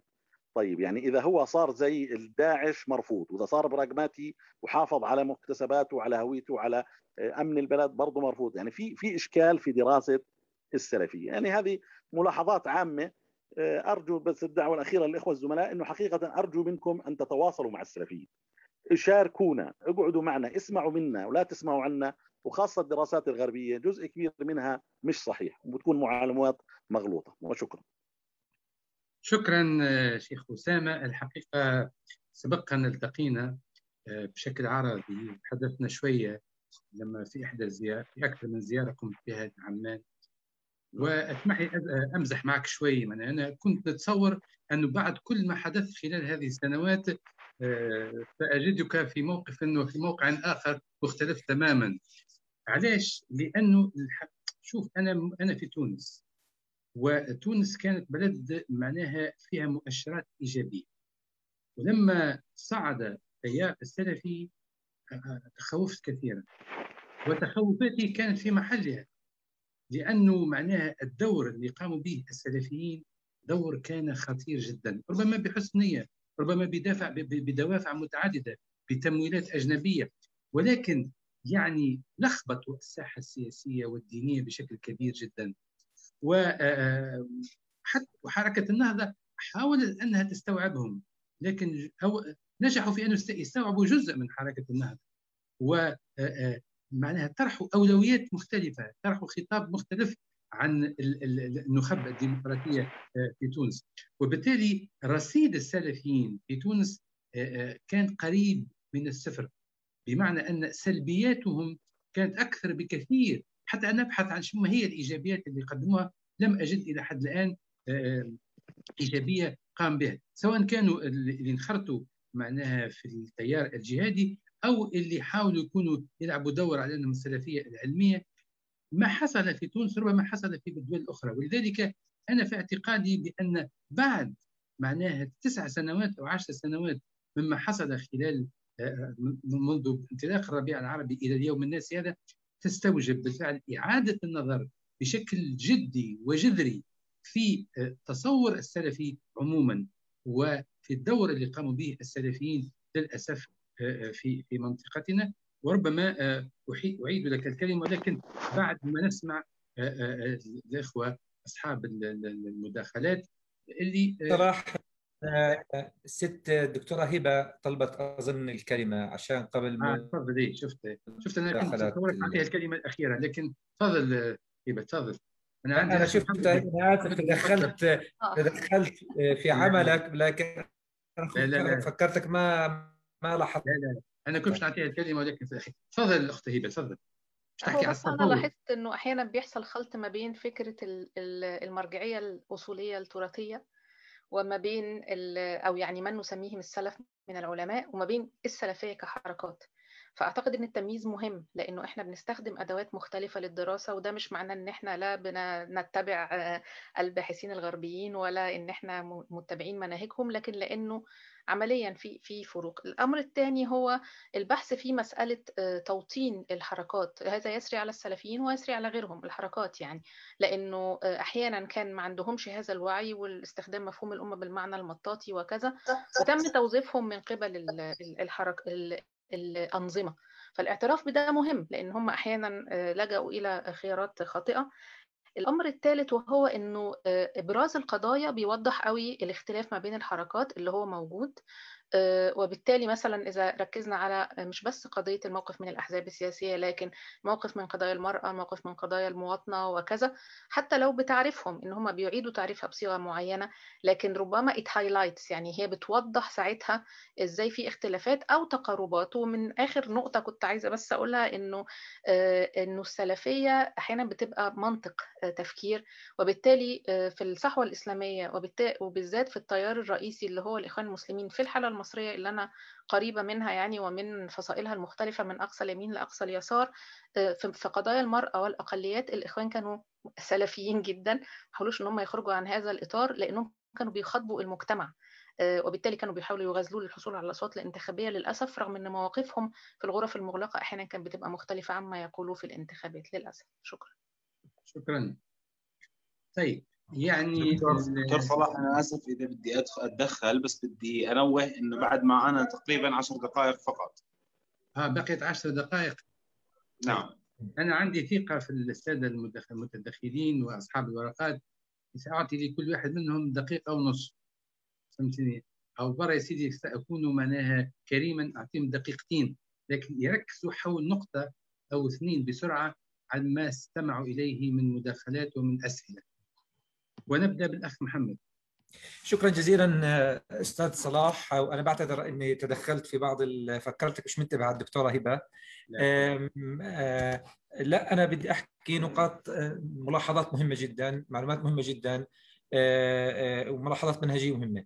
أهم شيء في الموضوع كنا نسأل فعلا إحنا هذه هذه الورشة كلها ريفيزيتنج نحن نعيد زيارة الحقل البحثي حتى نقرأ وندرس ونحلل ما حدث خلال الأعوام الأخيرة. وهذا الذي حاولنا أن نسلط عليه ضوء في السلوك السلفي كيف تحول في الأعوام الأخيرة. واضح تماما هنالك أسئلة. أنا أريد أن أترككم مع أسئلة ولا أريد أن أترككم مع خلاصات. السؤال الذي طرحته أستاذ صلاح وناقشه الدكتور محمد رفيقي مشكورا في ورقته المهمة. لماذا تحولنا من السلفية الوطنية بصورتها الإصلاحية العقلانية التي سادت بالمناسبة ليس في المغرب حتى في الشام يذكر الدكتور عبد الرحمن عبد الصديق عبد الرحمن موضوع الجمعية الغراء السلفية الإصلاحية سلفية حتى السلفية الإصلاحية في الجزائر. هنالك تحولت باتجاه آخر تماما. هذا سؤال مهم في النصف الثاني من القرن العشرين. السؤال الثاني طرحه الدكتور رفيقي برضه وعارضه حسن ولكن أنا أعتقد أنه قضية بحاجة أن نتأملها للمرحلة القادمة. في في الأعوام الأخيرة سادت الثقافة السلفية في المجتمعات العربية. وليس فقط الإخوان من تسلفوا هنالك الثقافة الاجتماعية تسلفت في كثير من المناطق العالم العربي. الآن هنالك توجهات دولية وإقليمية ومحلية نحو الاتجاه معاكس للسلفية. هل يمكن بالفعل إنه حسن يعني اعتبر السلفية كقدر للمجتمعات العربية؟ لكن في هنالك ملاحظات. هل يمكن بالفعل نتحدث عن تحولات ثقافية في المجتمعات العربية تنفك عن السلفية كما حدث أن تزاوجت مع السلفية في مرحلة سابقة؟ والنقطة الثالثة اللي أطرحتها الدكتورة هبة وأنا أعتقد أنه وأيضا طرحها الدكتور عبد الحكيم مشكورا نحن نريد أن نبحث عن الجيل السلفي الجديد. يعني الجيل الجديد جيل اليوتيوب جيل الآخر. في في مصر لما بدأت الثورة المصرية ظهرت جماعة سلفية كوستا. إذا بتتذكروا في المشهد المصري الشباب السلفيين اللي كانوا موجودين في الغرب وفي أمريكا. فإحنا بحاجة كدراسة سوسيولوجيه إنه ندرس أنا في الورقة ركزت الجانب دكتور عبد الحكيم على جانب الطائفة لأنه أنا أعتقد جانب الطائفة تلبست بالهوية، السلفية عندها قضية الهوية مركزية، الجانب الطائفي كان مهما في العديد من الدول اللي اشار له حسن وأشاروا له الآخرين، كيف انتقلوا السلفيين، يعني في الحالة اللي تظهر فيها الطائفية السلفية تذوب فيها الحدود بين السلفيات لدرجة كبيرة، وتبدو وكأننا أمام سلفية واحدة تصعب أن تميز بين الجامي والتقليدي والحركي والى آخره. السياق مهم بكل الحركات أخي أسامة مش بس بالسلفيين، نحن نحكي على حتى الإسلام السياسي دراسته من المنظور السياقي وليس من المنظور الجوهراني هذا الذي نتحدث عنه. كما طالب أسامة الباحثين بالنظر والاقتراب من السلفية أنا أثني على ملاحظة الدكتور صلاح الدين الجورشي وأقول أطالب الإخوان إنهم يتوقفوا عن المظلومية السلفية أو المظلومية الإخوانية أو المظلومية وينظروا في تفسير وتفكيك العوامل والمتغيرات ويدرسوا الأمور بصورة مختلفة بعيدا عن إنه والله فقط زاويه النظر التي أنظر فيها يا أسامة هي الزاوية الوحيدة. الباحثين جميعا تطرقوا إلى زوايا متعددة يعني أنا بعتقد مهم أنتم كمان ك كباحثين ومثقفين داخل الوسط السلفي أن تنظروا إليها، شكرا أستاذ صلاح. شكرا الأخ محمد عبد الوهاب رفيقي تفضل في دقيقة ونص. شكرا لا دقيقتين على الأقل. شكرا شكرا جزيلا. أنا أريد أن أعقب بسرعة على ما ذكره الأساتذة الكرام في تدخلاتهم. تعقيب تعقيب على كل نقطة. بالنسبة لما ذكره الأخ الكريم حول حول دار الحديث الحسنية لا أتفق صراحة على كون دار الحديث الحسنية هي أيضا جاءت ضمن المشروع والتحالف الذي كان بين النظام وبين الإخوان لمحاربة اليسار، أنا لم أتطرق لهذا الموضوع هو موضوع طويل وهي أن النظام تحالف مبدئيا مع الإخوان قبل أن ينتقل إلى السلفية، التحالف الأول الذي عقده النظام في بداية الستينات كان مع الإخوان، وفكرة دار الحديث الحسنية هي فكرة إخوانية، وصاحب هذه الفكرة هو بهاء الدين الأميري، هو الذي اقترح على بهاء الدين الأميري المعروف الشاعر والقيادي المعروف في حركة الإخوان المسلمين هو الذي اقترح على الملك الحسن الثاني فكرة إنشاء دار الحديث الحسنية. وأسندت رئاسة دار الحديث الحسنية للدكتور فاروق النبهان المنحدر من إحدى العائلات الإخوانية المعروفة في سوريا وقيادات الإخوان في سوريا. وبالتالي دار الحديث الحسنية إضافة حتى الدروس الحسنية. ما عرف بالدروس الحسنية التي كانت تلقى بين يدي الملك الحسن الثاني هي فكرة إخوانية. وأول من ألقى درسا الدرس الافتتاحي للدروس الحسنية ألقاه عبد الفتاح أبو غدة. والدرس الثاني ألقاه محمود السواف. وبالتالي دار الحديث الحسنية والدروس الحسنية كل هذا كان ضمن المخطط الذي وظفه الملك الحسن الثاني لمحاربة اليسار في ذلك الوقت. أنا أثمن على على على على اقتراح الدكتورة هبة رؤوف بضرورة وجود عمل مشترك لوجود عدد من المشتركات في الظاهرة وللقرب منها بشكل أكبر ومحاولة عمل تشبيك بين هذه الظواهر في مختلف الدول. وجود تنويعات ما قاله الدكتور عبد الحكيم وجود تنويعات داخل التيارات ليست تقليدية فقط كل التيارات. أنا أتفق على هذه الفكرة لكن مجال البحث لم يتسع. لكن لو أخذنا كل تيار تيار لوحده أكيد سنجد عدد من التنويعات والتي فعلا هي تستحق البحث وتستحق الدراسة حتى التيار السلفي التقليدي كما قال هو بنفسه توجد فيه عدد من المدارس وتوجد فيه عدد من الاختلافات حتى في المواقف حسب السياقات. ما ذكره الأستاذ عبد الحكيم كون التيار التقليدي لا زال موجودا وأنه تحالف المغراوي مع الأصالة والمعاصرة هذا صحيح أنا أعرف أعرف أن المغراوي في 2016 تحالف مع الأصالة والمعاصرة لكن شخصيا تقييمي الشخصي لا أعتقد أن لتحالف أنه كان لتحالفه تأثير كبير على النتائج. وأن المغراوي والحرس القديم لتيار السلفية التقليدية بعد انشقاق حماد القباش وعادل الرفوش ومن معهم لا أعتقد أنهم إلى الآن يمتلكون ذلك الثقل الذي يستطيعون به اختراق المجتمع أو التأثير في الانتخابات كما كان الأمر من قبل. أعتقد أنه رغم بعض دور القرآن التي أعيد فتحها أعتقد أن تأثيرهم أصبح ضعيفا خصوصا خصوصا بسبب تغير الأجندة السياسية وبسبب الانشقاق الكبير لحماد القباج وعادل رفوش جوابا على السؤال دقيقة لو سمحت دكتور صلاح. جوابا على السؤال حول اختفاء السلفية الجهادية. لا لم أقل أن الفكر السلفي الجهادي قد اختفى. قلت التعبيرات الظاهرة للسلفية الجهادية في المغرب اختفت. لا يوجد شيوخ معروفون. لا يوجد تيار سلفي جهادي معروف. لا توجد مساجد معروفة للسلفيين الجهاديين. الفكر السلفي الجهادي موجود بقوة وهو ما يفسر الخلايا الإرهابية التي تكتشف والهجرة الجهادية إلى سوريا. لكن التعبيرات الظاهرة داخل المجتمع بسبب التشديد الأمني أصبحت مختفية تماما. أخيرا رد ردا على الشيخ أسامة قضية السياسة من السياسة لن أعقب عليها. لكن فيما يخص الأشعرية وقضية العلويين لا العلويين لم يكونوا لم يكونوا سلفيين على الإطلاق بالعكس هم أحد ركائز دعم العقيدة الأشعرية في المغرب. المولى سليمان ووالده السلطان محمد بن عبد الله حاول لمحاربة الزوايا الصوفية بسبب الصراع السياسي مع الزوايا الصوفية حاول توظيف الدعوة الوهابية التي كانت في أولها لمحاربة لمحاربة الصوفية. لكن علماء وشيوخ وفقهاء المغرب رفضوا. الطيب بن كيران وغيره كتبوا رسائل كثيرة في تفنيد العقائد الوهابية والأفكار الوهابية في ذلك الوقت. وفشلت وفشلت هذه المحاولة الاختراقية بشكل نهائي. قضية أن الأشعرية مغالطة أنها تأسست تاريخيا هو كما تفضلت يا شيخ أسامة قلت 500 هجرية يعني القرن الثاني عشر الميلادي. نحن نتحدث من القرن الثاني عشر الميلادي إلى القرن الواحد والعشرين. أليس هذا كافيا لتأسيس بناء تاريخي؟ ليس.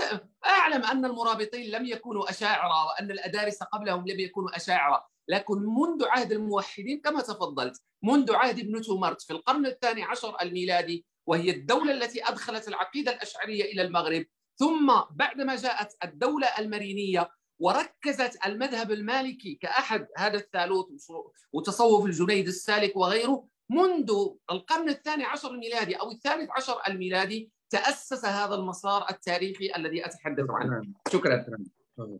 الآن الكلمة للأستاذ مبارك. تفضل.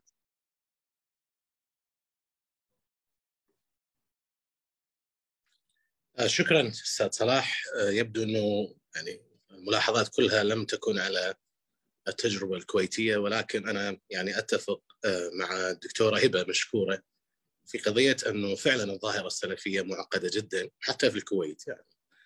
وأرى أنه يعني حتى السلفية في الكويت صارت منجما بحثيا. وأنا يعني أدعو المهتمين حقيقة دراسة المكون السلفي في الكويت لأنه يعني به مواضيع كثيرة وخطابات متغيرة واتجاهات متغيرة. ولكن عموما أشكرها على ذلك وهي تطرقت أيضا لدراسة حسام تمام رحمه الله والمصطلح الذي أو الوصف الذي استخدمه في قضية ترييث الإخوان. أنا أجد هذه المسألة موجودة في الكويت وبالمناسبة أنا اطروحتي الدكتوراه عن قضية علاقة القبائل بالتيارات الإسلامية في الكويت. مدى تأثيرها على التيارات الإسلامية في الكويت؟ نعم القبائل في الكويت نستطيع أن نقول في بعض المكونات السياسية الإسلامية تم قبلنتها من قبل بعض القبائل سواء في ذراعها السياسي أو في ذراعها الطلابي كحركة طلابية في الجامعة، لا أستطيع أن أفصل هذه المسألة ولن أدخل في تفاصيل هذه القضية، لذلك أشكر الدكتورة هبة. أرجع إلى الأستاذ أسامة، الشيخ أسامة، يعني الشيخ أسامة قال مسألة مهمة جدا وأنا يعني أريد أن أعلق عليها. أنا أتفهم لماذا قال هذا الكلام الشيخ أسامة وأنا متأكد بأنه تربطه علاقات ببعض الأسماء أو ببعض الشخصيات البارزة في في التيارات السلفية الكويتية وأعتقد أنه علاقاته مع السلفية التيار السلفي الأساسي الذي تأسس في ال 81 هو تطرق لقضية البحرين ولكن ما علاقة هذا الموضوع فيما كتبته في هذه الورقة. أنا لم أقارن التجربة السلفية في الكويت بالتجربة السلفية في البحرين.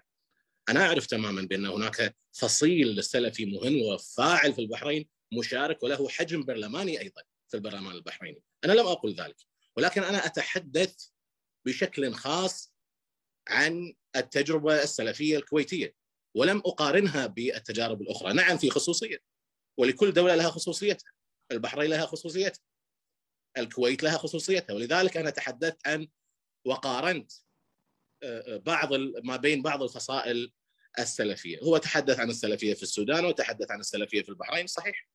ولكن أنا لم أتبع طريقة التفكير الغربي البحثي في تناول المكون السلفي على الإطلاق، بل أنا ضد هذه التصنيفات التي يستخدمها بعض الباحثين الغربيين.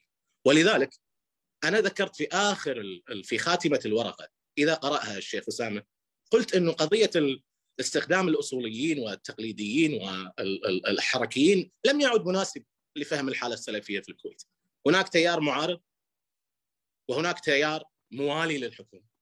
موالي للحكومة لماذا؟ وضحت الأسباب وماذا حصل ومعارض للحكومه لماذا؟ ولكن هذا أيضا في إطار طبيعة البيئة السياسية، الكويت دولة ريعية تتحكم بالثروة هي من تصرف الرواتب وهي من تتحكم في في في, في ثروة البلاد ولذلك غالبية الحركات السياسية الإسلامية السنية بشكل خاص بما فيهم الفصائل السلفية باستثناء حزب الأمة الذي يعتبر خارج البرلمان والمشاركة السياسية لأسباب كثيرة كلهم جميعهم يتفاعلون في هذا الإطار، لذلك أنا قلت هناك خصوصية تميز التيار السلفي، أنا لم أقارن على الإطلاق ما بين الحالة البحرينية والحالة الكويتية.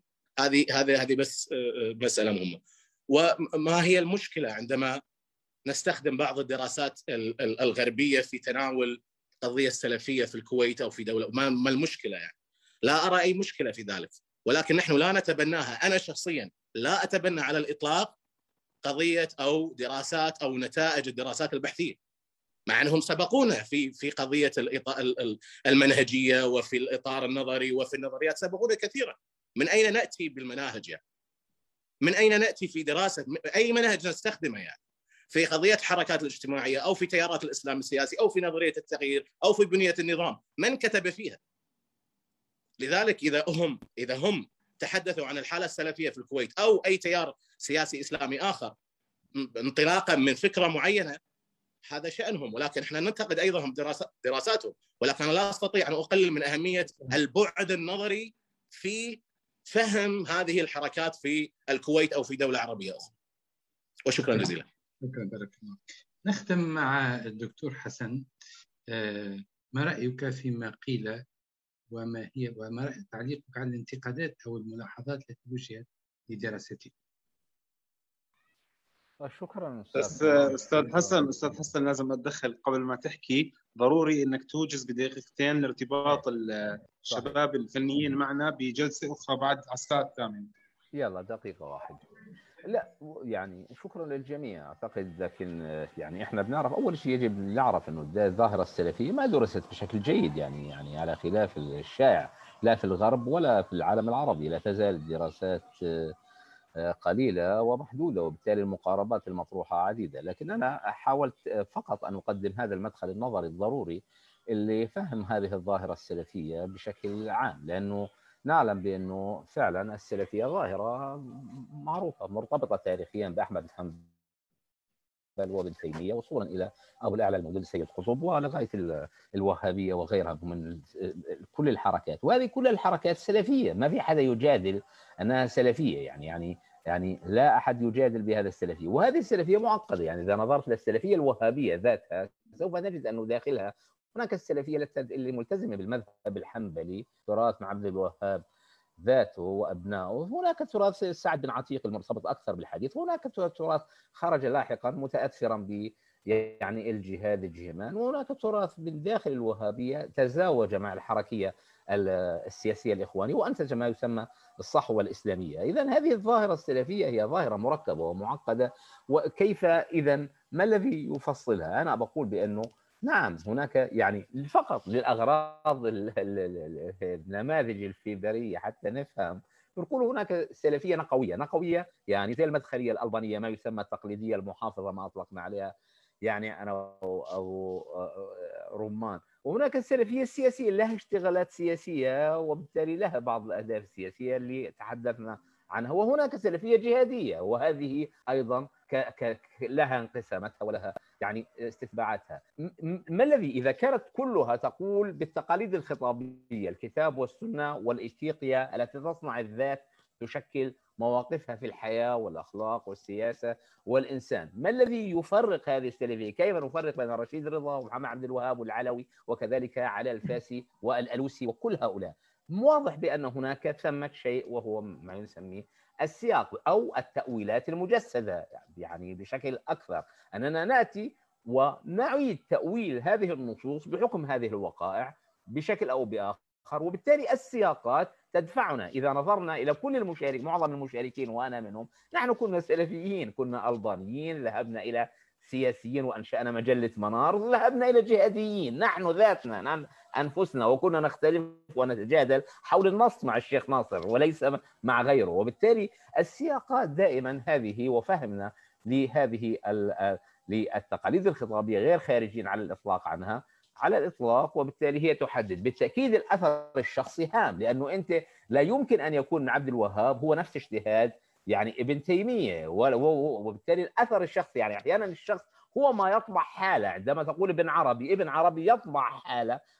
كاملة في التاريخ الإسلامي ويصبح هناك فئات كبرى تتبع هذا الشخص. وكذلك عندما نقول ابن تيمية أو أو رشيد رضا أو الألوسي أو ابن عبد الوهاب. الأثر الشخصي وبالتالي الأثر الفاعل ليس هو يعني مهمل في البنية وإنما دوافع الفاعلين والأثر الشخصي مهم جدا. وهذا ما ينتج شخص كالألباني يؤثر على أناس كثيرين. وبالتالي نعود مرة أخرى بأن فعلا هو النص بين النص والسياق هي تنتج هذه اختلافات السلفية التي علينا أن ندقق بها وبالتالي نفحصها ونقرأها ونفهم كيف يمكن أن تسلك في المستقبل أو ما هو يعني مصيرها. وشكرا. شكرا شكرا. نحب نختم اولا بالتحية للجميع ونحب نقول بانه السلفية سلفيات. السلفية هي سجينة الكلمة نفسها. المصطلح الغامض اللي هو اسمه السلفية يحيلك إلى فراغات كما يحيلك إلى مرجعيات متعددة أو إحالات متعددة. المهم حاولنا أن نقترب من الظاهرة. الظاهرة أكثر تعقيدا مما توقعنا. تحتاج منا إلى مزيد من التحليل والتفصيل واعلن بهذه المناسبة استقالتي عن منصب السلطة المعنوية اللي منحوني وأعيدها إلى السيد محمد فليتفضل. أنا ما ضل معنا وقت أستاذ صلاح. أنا بشكرك على الإدارة الجميلة بشكركم جميعا على الآراء الممتازة. ملاحظة الدكتورة هبة أكيد رح نأخذها بعين الاعتبار. وهي جزء رئيسي من همنا البحثي والفكري. شكرا جزيلا لكم جميعا.